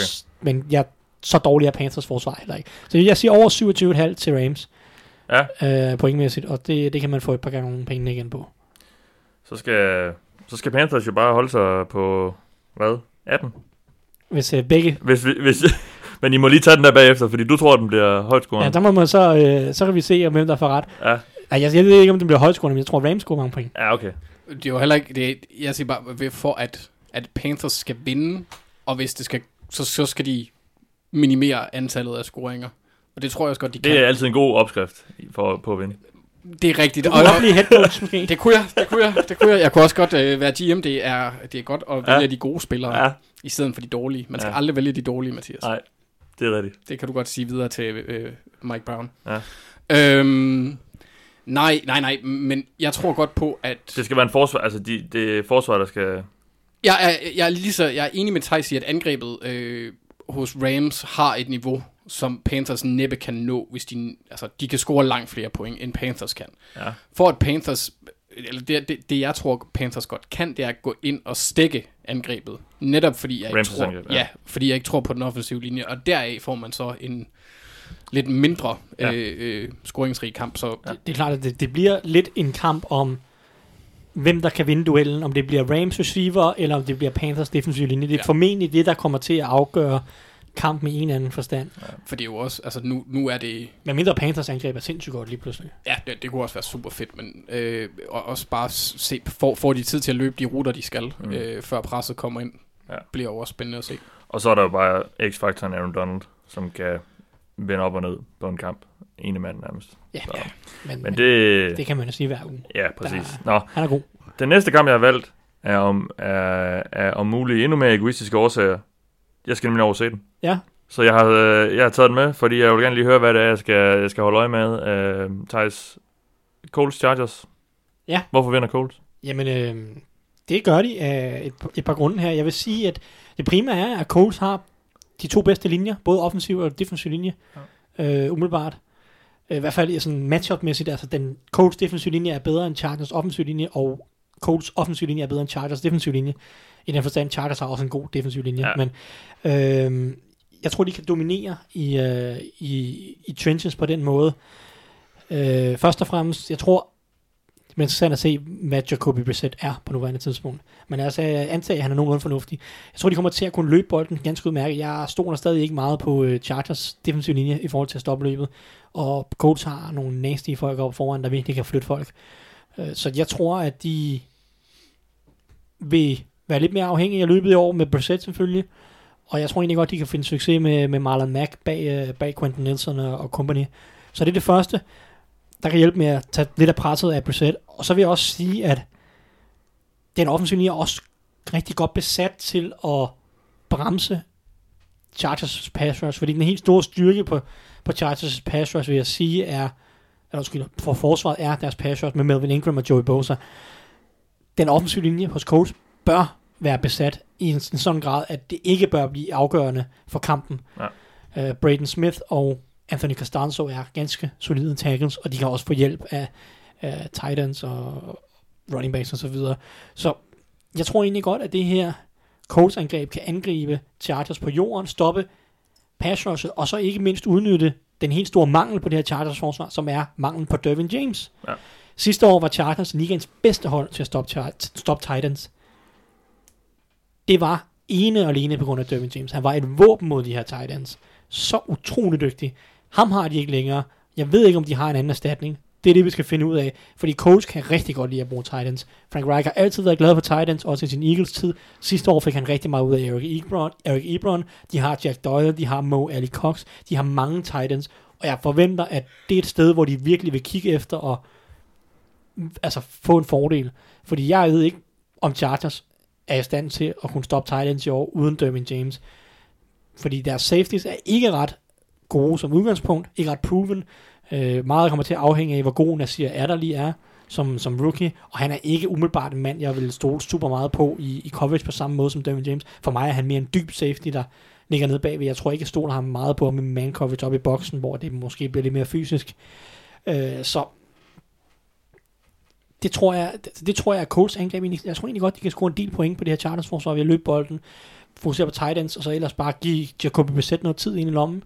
Øh, det, det, som jeg snakkede om med Brissett, da vi snakkede om den Rocks karriere, det var, at Brissett han tog for lang tid inde i lommen, og tog for mange sacks Ja, af den grund. Ja. Der tror jeg, at Frank Reich, kombineret med den gode offensive linje, kan tage en hel del af det ud af Brissetts spil, så han kommer af med bolden hurtigere, tager bedre beslutninger og ikke tager så mange sacks. Øh, Så jeg tror egentlig, jeg tror, jeg tror det her Colts angreb kan være ganske effektivt. Hvis vi skal tage defensivt for Colts, så stoler jeg 0 og niks på Chargers offensive linje. Russell Okung er stadig skadet. Han har haft nogle blodpropper i, Ja, det- i, i det er lungerne, alvorligt, ja. og er ude mindst de første 6 uger af sæsonen. Det betyder, at de to tackles er Trent Scott og Sam Tevy. Og, nej, Trent Scott, undskyld, ikke Sam. Trent Scott og Sam Tevy. Ja. Og, jamen altså, det, det er ikke ret godt. Det, det vil jeg faktisk sige, Det kan også jeg, jeg, prøver, jeg, jeg, prøver lige at tænke, jeg prøver lige at tænke mig om, men det er muligvis den dårligste tackle duo i NFL, og jeg ved godt, at Dolphins eksisterer. Altså, Ja. det, er, det, er, det er så skidt. Ja. Og de har derudover Dan Feeney på den offensive linje, som jeg heller ikke stoler en skid på. Så det vil sige, at tre ud af de fem offensive linjefolk stoler ikke på overhovedet. Forrest Lamb har vi slet ikke rigtig set endnu i NFL. Efter sine så har Dan Feeney vundet jobbet over ham igen, og jeg ved ikke, om det er fordi, at, at Forrest Lamb aldrig har kommet sig oven på sin skade, eller om trænerstaben er inkompetent, eller han bare er dårlig. Ja. Det finder vi måske ud af på et tidspunkt, når han skifter, skifter hold, men som det ser ud lige nu, tre dårlige offensive linjefolk, og så kun en middelmåde en i Michael Schofield. Det skal Colts kunne udnytte på den defensive Ja. linje, og så, de har ikke engang den bedste defensive linje i ligaen, med Justin Houston, Danico Autry, par af deres unge rusher, Kimoko Torai og, og andre, de skal kunne udnytte det her. Hmm. Marcus Hunt. Så altså, det tror jeg virkelig kan skabe problemer for Chargers. Øh, at, at deres offensive linje bare bliver... Altså, nu snakker vi om tæppebumpning tidligere. Jeg tror virkelig, at de kan få problemer i år. Så- Og Philip Rivers kommer meget under pres. Ja, så, så, så i dit scenarie, der, der vinder Coles øh, ikke en, en, en højt scoret kamp, men man formår måske at, Nej, det bliver lidt mere... at, holde, at holde Rivers og, og Chargers nede. ja, altså... Og så, og så selv lige lave det antal point, der er nok til at... Det tror jeg, men jeg tror egentlig godt, at Colts skal score en del point, men det bliver mere en kontrolleret form for fodbold. De kan ikke bare sige, at vi kan godt følge med, hvis der bliver scoret fem, Nej, hvis der skal scores 35 point. Nej. Det kan de ikke gøre i år. Der skal lidt mere til for forsvaret, og de skal passe lidt bedre på bolden offensivt måske, men jeg tror godt, at det her Colts angreb kan flytte bolden på Chargers forsvaret, og jeg tror virkelig, at de kan skabe problemer for Rivers og Cole, øh, Chargers offensiv linje.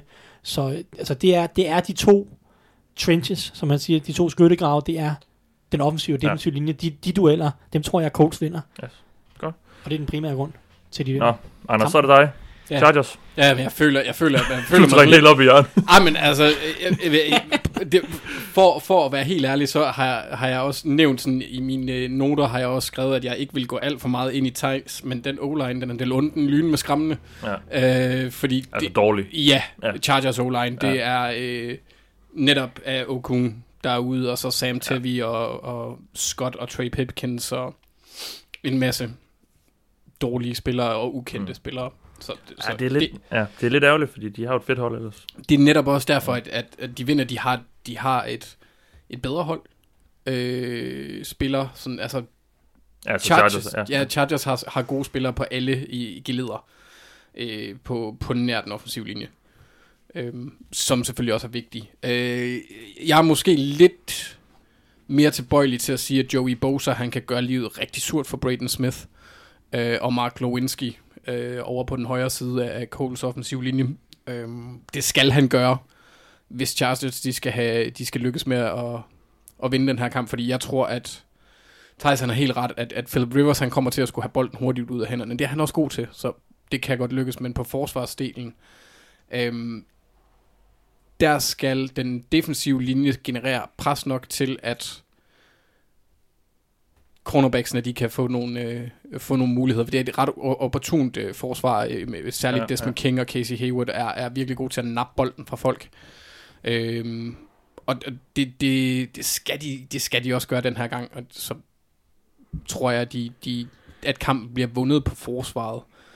Øhm, og Thijs, han, han, på mange af de punkter, som Thijs han har løftet, det har jeg også, altså jeg, jeg er godt nok en Colts elsker, men jeg ser også den her kamp som mere lige end de fleste, øh, tror jeg. Øhm, mm. Netop på grund af den offensive linje og manglende Derwin James. A, a, altså, det, det er nogle rimelig øh, det minimerer deres muligheder på forsvaret en del i, i forhold til, at han ikke er derinde. Øh, men jeg tror stadigvæk på, at, at Bosa og Ingram koblet med Uwusu øh, kunne, være, kunne, kunne generere pres nok til, at, at Coles ikke får tid eller lov til at stikke den sidste kniv Ja. i ryggen på Chargers. Så du satser på øh, Chargers angreb, eller forsvar? Øh. Ja, så, så tror jeg egentlig også, at på, på angrebets side, øh, altså, som jeg nævnte, så tror jeg, at, at Philip Rivers, øh, både med Keenan Allen, der er en fabelagtig ruteløber, var en genial receiver til at, altså hvis han, hvis han så kunne holde sig skadesfri, så ville han være en af de, så ville han blive nævnt meget oftere i top. Ja. Øhm, de, de er rimelig fikse. Den eneste, jeg kunne se et problem med i forhold til de kortere kast, det er Mike Williams, som er lidt en større type. Men øh, det får man nok. Det kan, det kan være, at han, det, han bruger det i, øh, i red zone, ligesom han gjorde sidste år, hvor han havde over 10 touchdowns. Ja. Hvor han havde 10 touchdowns. Ja. Så hurtig, hurtig, hurtig kast på angrebet, og så et øh, aggressivt, pressende forsvar. Modtaget. Jamen lad os så lige, inden vi skal sætte vores picks. Skal vi tage specialodds? Har vi glemt det? Øh, ja, Eller odds det har vi faktisk, det har vi faktisk, ja. ja. Uh, fordi Hvad, hvad, hvad har I kigget på der? lidt, lidt i forlængelse af, hvad jeg sagde, jeg tror egentlig godt, at Colts angreb kan score en del point, det er, at uh, du får faktisk 2,8 gange penge igen på, at de scorer over 23,5 point. Colts. Det tror jeg godt, Ja. ja. at Colts kan. Ja. Uh, det er 24 point eller derovre. De var kun tre gange sidste sæson under 23 point. Jeg ved godt, det var man for luck, og det er nu, nu til Ja. Kobe Brissett og så Ja. videre. Men jeg tror godt, de kan score point på det her Chargers hold. Og jeg kunne sagtens se dem score over 24 point, og det får du næsten tre gange penge igen på. Modtaget. Anders? Jamen, jeg sad, jeg sad, det lidt irriterende, jeg sad og kiggede på nogenlunde det samme. Ja. Øh, ellers så var jeg, var jeg ude i nogle, nogle mere komplicerede scenarier, fordi jeg gerne vil have pengene mange gange igen. Så jeg, jeg Blev ikke så grådig? tit. Jeg, og jeg oddser ikke så tit. Nej. Øh, men når jeg gør, så går det vildt for sig. Øh, ja, jeg, jeg har det lidt svært. Jeg, jeg, kunne- jeg, jeg kunne godt sådan, fordi mit, mit odds, det er lidt, jeg tror, Coles vinder. Ja. Så det er måske ikke et special odds, men det er stadigvæk et af de absolut Heller ikke så god forlængelse af, derfor vinder Chargers. Nej, nej, lige præcis. Det er altså sådan lidt, ah, det var, og det var også, altså nu har vi, vi ugens øh, overraskelse øh, coming up, Ja. og der er Coles min. Ja, det, det, ja, altså... Vi kan jo så bare tage den ugens overraskelse. Altså, vi, vi- sidste år kiggede vi jo, tog vi altid sådan lige en, et kig på, hvem var de største underdogs. Og, og de tre største underdogs i den her uge, det er... Øh, det er Redskins, Bengals og Dolphins. Skal vi se, hvem de møder? Ja, Redskins har Eagles på, øh, på udebane. Ja, Øh, den, den taber de. Bengals har Seahawks på udebane. Den taber de også. Og Dolphins har Ravens på hjemmebane. Øh, den håber jeg, de taber. Ja, og så er der så faktisk Cole, som også ligger halvhøjt øh, med, de giver, øh, og, og det sjove er egentlig, når man kigger på, på oddsene her i U1, ind på, på danske spil, altså, der er ikke sådan, det stikker ikke i helt meget i, i hver sin retning endnu, fordi, og det er jo tit det, der er med de her første par runder, to-tre runder, altså det er meget øh, svært lige at finde ud af, Anders fik lige nævnt den, den gyldne, det gyldne bevis på det fra sidste sæson, hvor Buccaneers jo vinder den her hvad, hvad ender kampen? Ender den sådan noget 45 45-38-agtigt til Ja, over- Bucacneers? ja. Fitzpatrick ja, over kaster... Saints, ja, Ja, over Saints. Ja, i New Orleans, Ja. Så vidt som jeg husker. Altså, Fitzpatrick kaster 5-6 touchdowns og 48-40. 48-40 ja. Ja. til, til Buccaneers. Altså, ja og, bare, og, og, Fitzpatrick, der er jo, altså han førte jo ligaen i touchdowns de, efter de første tre uger, mener jeg, med sådan noget 15 touchdowns nærmest. Det, altså, der sker nogle freaky ting her i starten Mm. af ugen, så og, og Patriots er altid lidt sløv ud, og synes jeg også tit. ja. Jamen, det, det må de gerne være i den her Ja. uge. Det skal jeg da ikke klage over. Nej. Det må gerne være hele året. Det vil være Ja. fint. Nej, ja, men, Men, men, ja, de, altså de her første uger er enormt svære at, øh, at spå om, synes jeg netop, fordi man ved bare ikke, hvor holdene er hen. Altså, det, det er så lang tid siden, vi har set dem i, øh, i reelle kampsituationer mod, mod reel modstand. Så, øh, så, så det, det er svært. Men, men, øh, men nu svinger jeg så. Blandt de her tre største underdogs, hvem, øh, hvem vil I så... blandt de tre største, Ja. okay, okay, nu Dolphins. s- ved du også armen rundt på. Ja. Ja. Sådan noget. Dolphins er på hjemmebane og mod et, et hold som Ravens, som man ikke rigtig ved, hvor, hvor man har. Ja. Jeg tvivler på, at Seattle tager til, eller at Bengals tager til Seattle og vinder. Ja. Og øh, hvem- hvem var det, det sidste hold var? Redskins over Eagles. Ja, nej, det kommer ikke til at ske. Nej. Okay. Ja, så jeg, jeg, tager, jeg tager Bengals. Så hvis, jeg, hvis der skal vælge en af de tre. Det, Okay. Hvad, hvad så med de, hvad så hvis vi inkluderer, inkluderer lidt, uh, lidt flere? Er, er det så Coles, der er godt bud, eller? Jeg, jeg, jeg kunne virkelig godt se... Houston, Houston mod Saints, jeg, de kunne, giver 33. jeg kunne godt se Giants fuck med Cowboys. Jeg kunne godt se... Jeg, jeg, det, det, ville være så, det ville være så typisk Dallas på hjemmebane, som jeg husker det. Ja. Og, og messe den her op, m- når de har et hold, hvor de faktisk kan nå rigtig langt. Ja. Det, det, det vil bare være så typisk, uh, Jerry. Og vi ved jo ikke med, med Zeke endnu. Nej, og, og vi, vi... Altså... Tænk, hvis Gettleman han har ret. altså, hvad sker, hvad sker der, hvis Eli stadigvæk er en kompet... øh, Altså, Det hvis, er han jo ikke. For en kamp. For en kamp. Jamen, det er han ikke. Der går Fitzpatrick i ham. Ja. Okay. Nej, Nå, men altså, det kan da det godt han ske. sgu ikke i sig. Det kan godt ske. Det tror jeg Øh, Colts er et fint bud. Jeg synes også, ja. der, er fine, der er fine muligheder for Steelers stadigvæk, fordi at jeg tror, at Patriots skal finde deres angreb først. For øvrigt, altså Steelers Patriots, hvis man skulle odds på noget der, så vil jeg gå ind øh, og så tage under, altså spille på under. Jeg tror, det bliver en rimelig lavskruende kamp. Mm. Jeg tror, at begge angreb får svært ved modstanderens forsvar på en eller anden måde, fordi at Patriots angreb skal finde sig selv, og at Patriots forsvar er godt, så at sige. Så jeg tror ikke, der bliver scoret ret mange kamp, eller point i den kamp. Jeg kunne sagtens se, øh, jeg tror over og under i den kamp er nogen af 40. Jeg tror, den, jeg tror det er under umiddelbart er, et fint bet, hvis man skulle gøre det. Ja. Øh, så vil jeg sige, så hvis vi kan tage det helt på stavlig underdog, så øh, er Denver, er der højere odds på, at Denver vinder, end der er på øh, Raiders vinder. Og jeg kan simpelthen ikke se, hvordan at øh, ben, øh, Broncos ikke er favoritter i den kamp. Nej. Men det er klart, at øh, Raiders er på hjemmebane, det selvfølgelig, der gør, og oddsene er rimelig ja, tæt, Det ja. men du får næsten, du får to gange penge igen på, at Denver vinder. Og, Men det er jo også den, var på udebane i september. Det er vi, altså... ja, ja, nej, men det er ikke på, ja, det er ikke Denver på hjemmebane, Nej. men det er stadig, altså Denver bør vinde den kamp, det, Ja. det bør de simpelthen være. Nej, ja, okay. Jamen, øh, skal vi så ikke bare sætte de picks der? Og jeg Jo. tror, i år, der bestemmer vi os bare for lige nu, at vi kommer ikke til at omrangere den. Så det vi, det vi kommer til at score, altså ud fra point. Så det vi kommer til at, at, at kigge på i år, fordi vi, så glemmer jeg det en uge, og så, så er det helt ødelagt. Så vi kommer bare til at holde øje med, hvor mange vi rammer i år. Bears mod Packers. Kickoff natten til fredag. Thijs, Ja. Thijs. Altså, jeg har jo... Altså, for det første, jeg synes, det er en 50-50 kamp, den her. Den kan virkelig gå alle veje. Jeg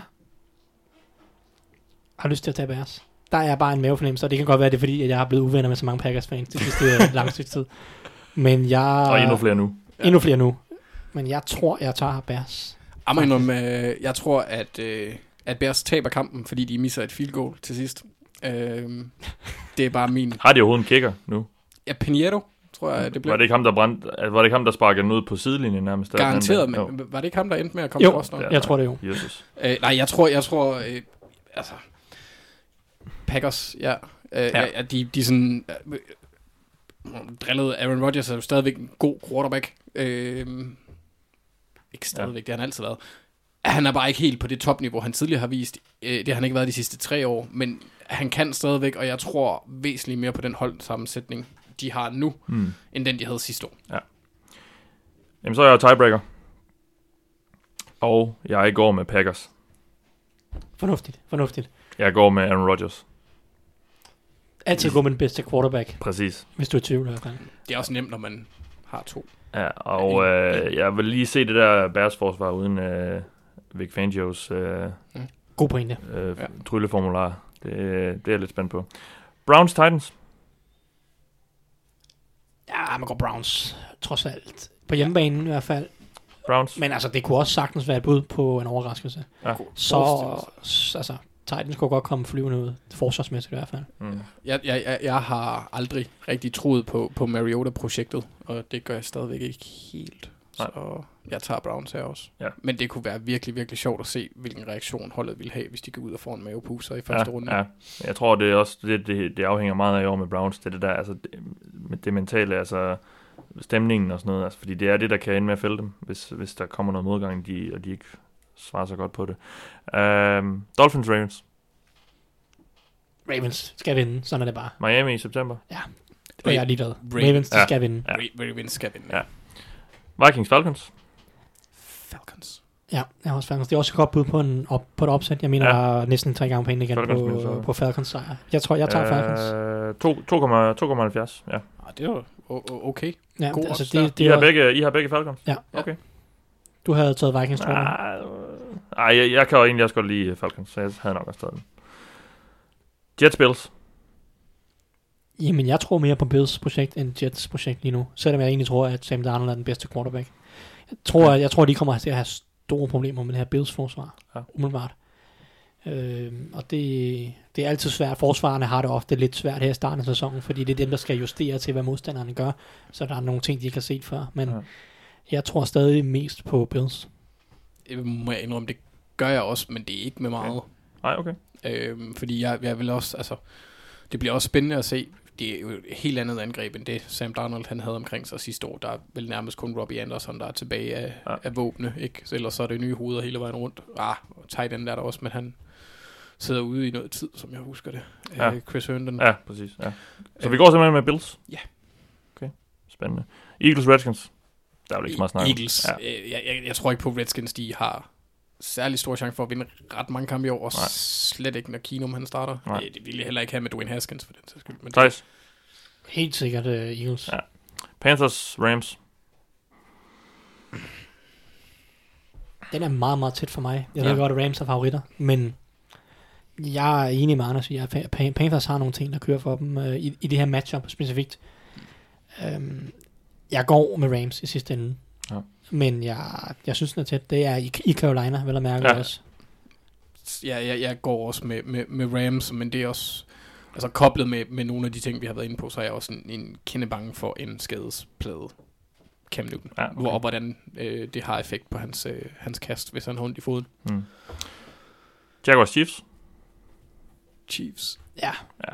det gør vi. Det, trods alt. han, et, et, et, et read, skulle jeg til at kalde det, men et read har haft seks måneder til at planlægge en, øh, til at gameplan til en kamp. Han er rimelig effektiv til.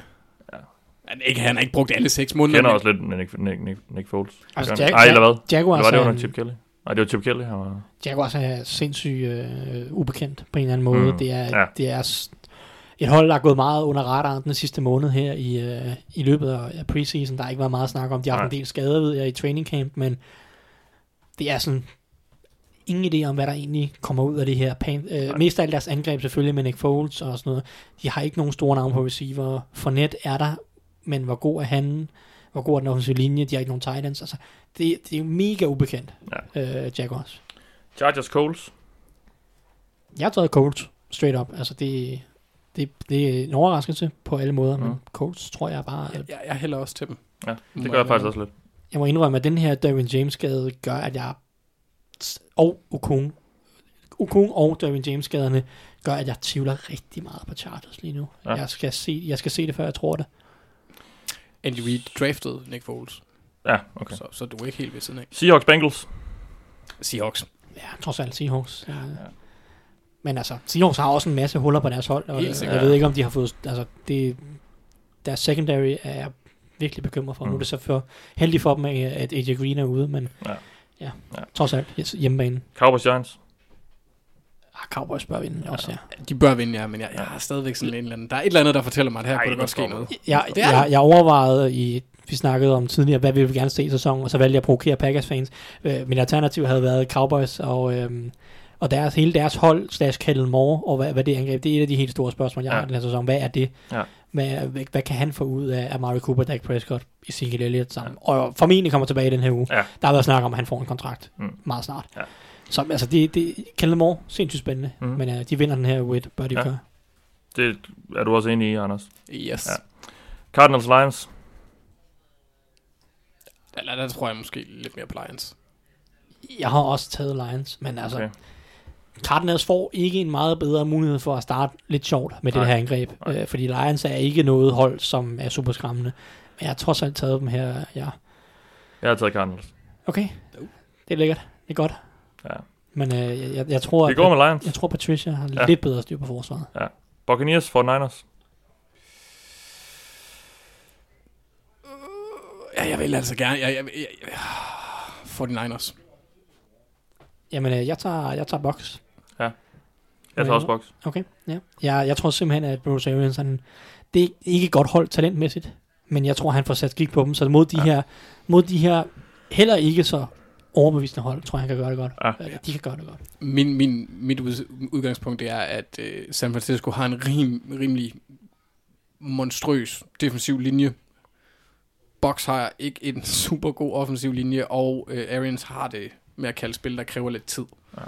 Ja. Øh, Winston er selvfølgelig en, en, en væver satan, hvis man kan kalde ham det. Han er relativt elusive. Øh, ja. ikke, ikke, ikke, ikke, ikke hvor det ser smidigt ud, men hvor at han ikke bliver lagt ned. Ja. Øh, men, men ja, jeg tror, Roethlisberger elusive.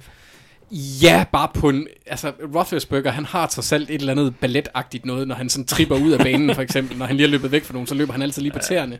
Det ser fantastisk ud. I, I havde begge øh, Buccaneers, ikke? Ja. Nej, jeg havde fået Niners. Nej, han havde fundet. Du, Du havde fået Niners? Du tog Okay. Buccaneers, ja. Ja, jeg tager Buccaneers. Ja, godt.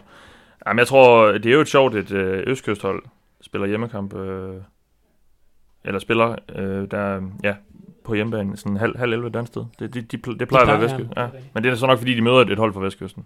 Ja. Øh, ja. Nå. Patriots Steelers. Steelers. Jeg har taget Patriots. Skal vi lige sige, at Steelers er det seneste hold, der har slået New England Patriots. Øhm, sidste sæson i uge 14 på hjemmebane i Pittsburgh. Men for mig er det afgørende, at det her det er Foxborough, må jeg indrømme. Steelers har aldrig gjort det godt deroppe. Øh, og, og det, øh, derfor tager jeg Patriots. Men den er, den er meget åben. Patriots er notorisk langsomme starter, Ja. og det her angreb tror jeg skal have noget tid. Og jeg tror Steelers, de kunne godt, altså der er potentiale for, at de kommer flyvende ud, fordi de er virkelig, virkelig trætte af hele Antonio Brown, sagde han. Ja. Så de har bare virkelig Ja. ja. gået og Ja, ja, det været, været tosset i, øh, Og i et år. Det skal jeg også lige sige. Steelers offensiv linje er fantastisk. Altså, deres venstre tackle er så god, at Lady Gaga har skrevet en sang om ham. så, Ja, ja, Anders var Det er vist noget, du bilder dig selv ind. ja, det tror men jeg. de har en rigtig god offensiv linje, og det tror jeg egentlig kan gøre i, altså, helt enormt meget for Det skal siges, at da de slog Patriots sidste år, var det baseret meget på løbeangrebet øh, med Jalen Samuels, der havde sin helt store breakout, og det er nok en opskrift, de vil prøve at gentage i, øh, i, i år med nu James Conner så med i den her kamp. Det var han ikke mod Patriots sidst, men det er nok noget, de vil prøve. Og det er også derfor, jeg tror, det kunne blive lidt lavt sekunder, for jeg tror, Steelers vil prøve at løbe bolden meget, og jeg tror også, Patriots godt kunne finde på at prøve det i hvert fald lidt. Jeg tror heller ikke, at, at heller ikke, fordi der er, okay, Michael Bennett er, er god, men hvem, hvem skal lave sacks? Altså ud, Ja, men det er jo deres blitzes. Ja. Det, er jo, det var jo sådan, de gjorde i Super Bowl, ikke? Det er deres blitzes med linebacker, Kyle Van Noy, Dante Hightower. og der kan Ben blive farlig. Ja, ja, han- helt sikkert. Øh, så, så det er Åh. det. Der, Ja. ja. der er super, super mange aspekter i det her. Jeg ved ikke, om Mathias snart Jeg har besluttet sig, mens vi sidder Ja, og bare jeg tror, jeg har besluttet mig. Ja, okay. Jeg tror, jeg tager Steelers. Det kommer bag på mig. Ja, Ja, jeg synes, jeg alt, har du tager bare- altid hjemmebane, jo. Ja, Mathias. men jeg har bare en eller anden fornemmelse okay. Lige med den her. Jeg tror, det der med Patriots er lidt sløv altid i september, og jeg synes egentlig, Steelers har et lidt mere komplet hold end, øh, end Patriots. Ja, Sådan, okay. og, og så tror jeg netop også, de er rimelig motiverede, Steelers. Altså, det er Patriots jo også, men jeg tror bare, at der er sådan et eller andet lidt mere gnist, og ja, post øh, AB og, og Bell og sådan noget, skal ud og bevise noget, og ja, jeg, jeg, går, jeg går sgu med Steelers. Jamen, øh, det Der, er jo... er, der er mange, der kommer til at hade os efter den her podcast. Ej, men altså, nu, jeg tog Patriots her, så vi er ikke fuldt... Jamen, jeg har det heller godt. Jeg har det aldrig godt med at vælge øh, vælge mod øh, vælge andet end, end Patriots, når, når vi skal tage deres kampe, men det er bare de er, ja, nej. Jeg, jeg holder fast i Steelers. Saints Texans. Saints. Jeg har også taget Saints. Men Anders, som så Anders sagde, det er... Ja. Måske har det her Larry Tunsil sat en gnist i, i Texans, og så flyver Deshaun Watson rundt og laver spil. Vi går med Saints. Raiders, Broncos. Broncos. Jeg har også taget Broncos. Ja. Ja. Jeg tror...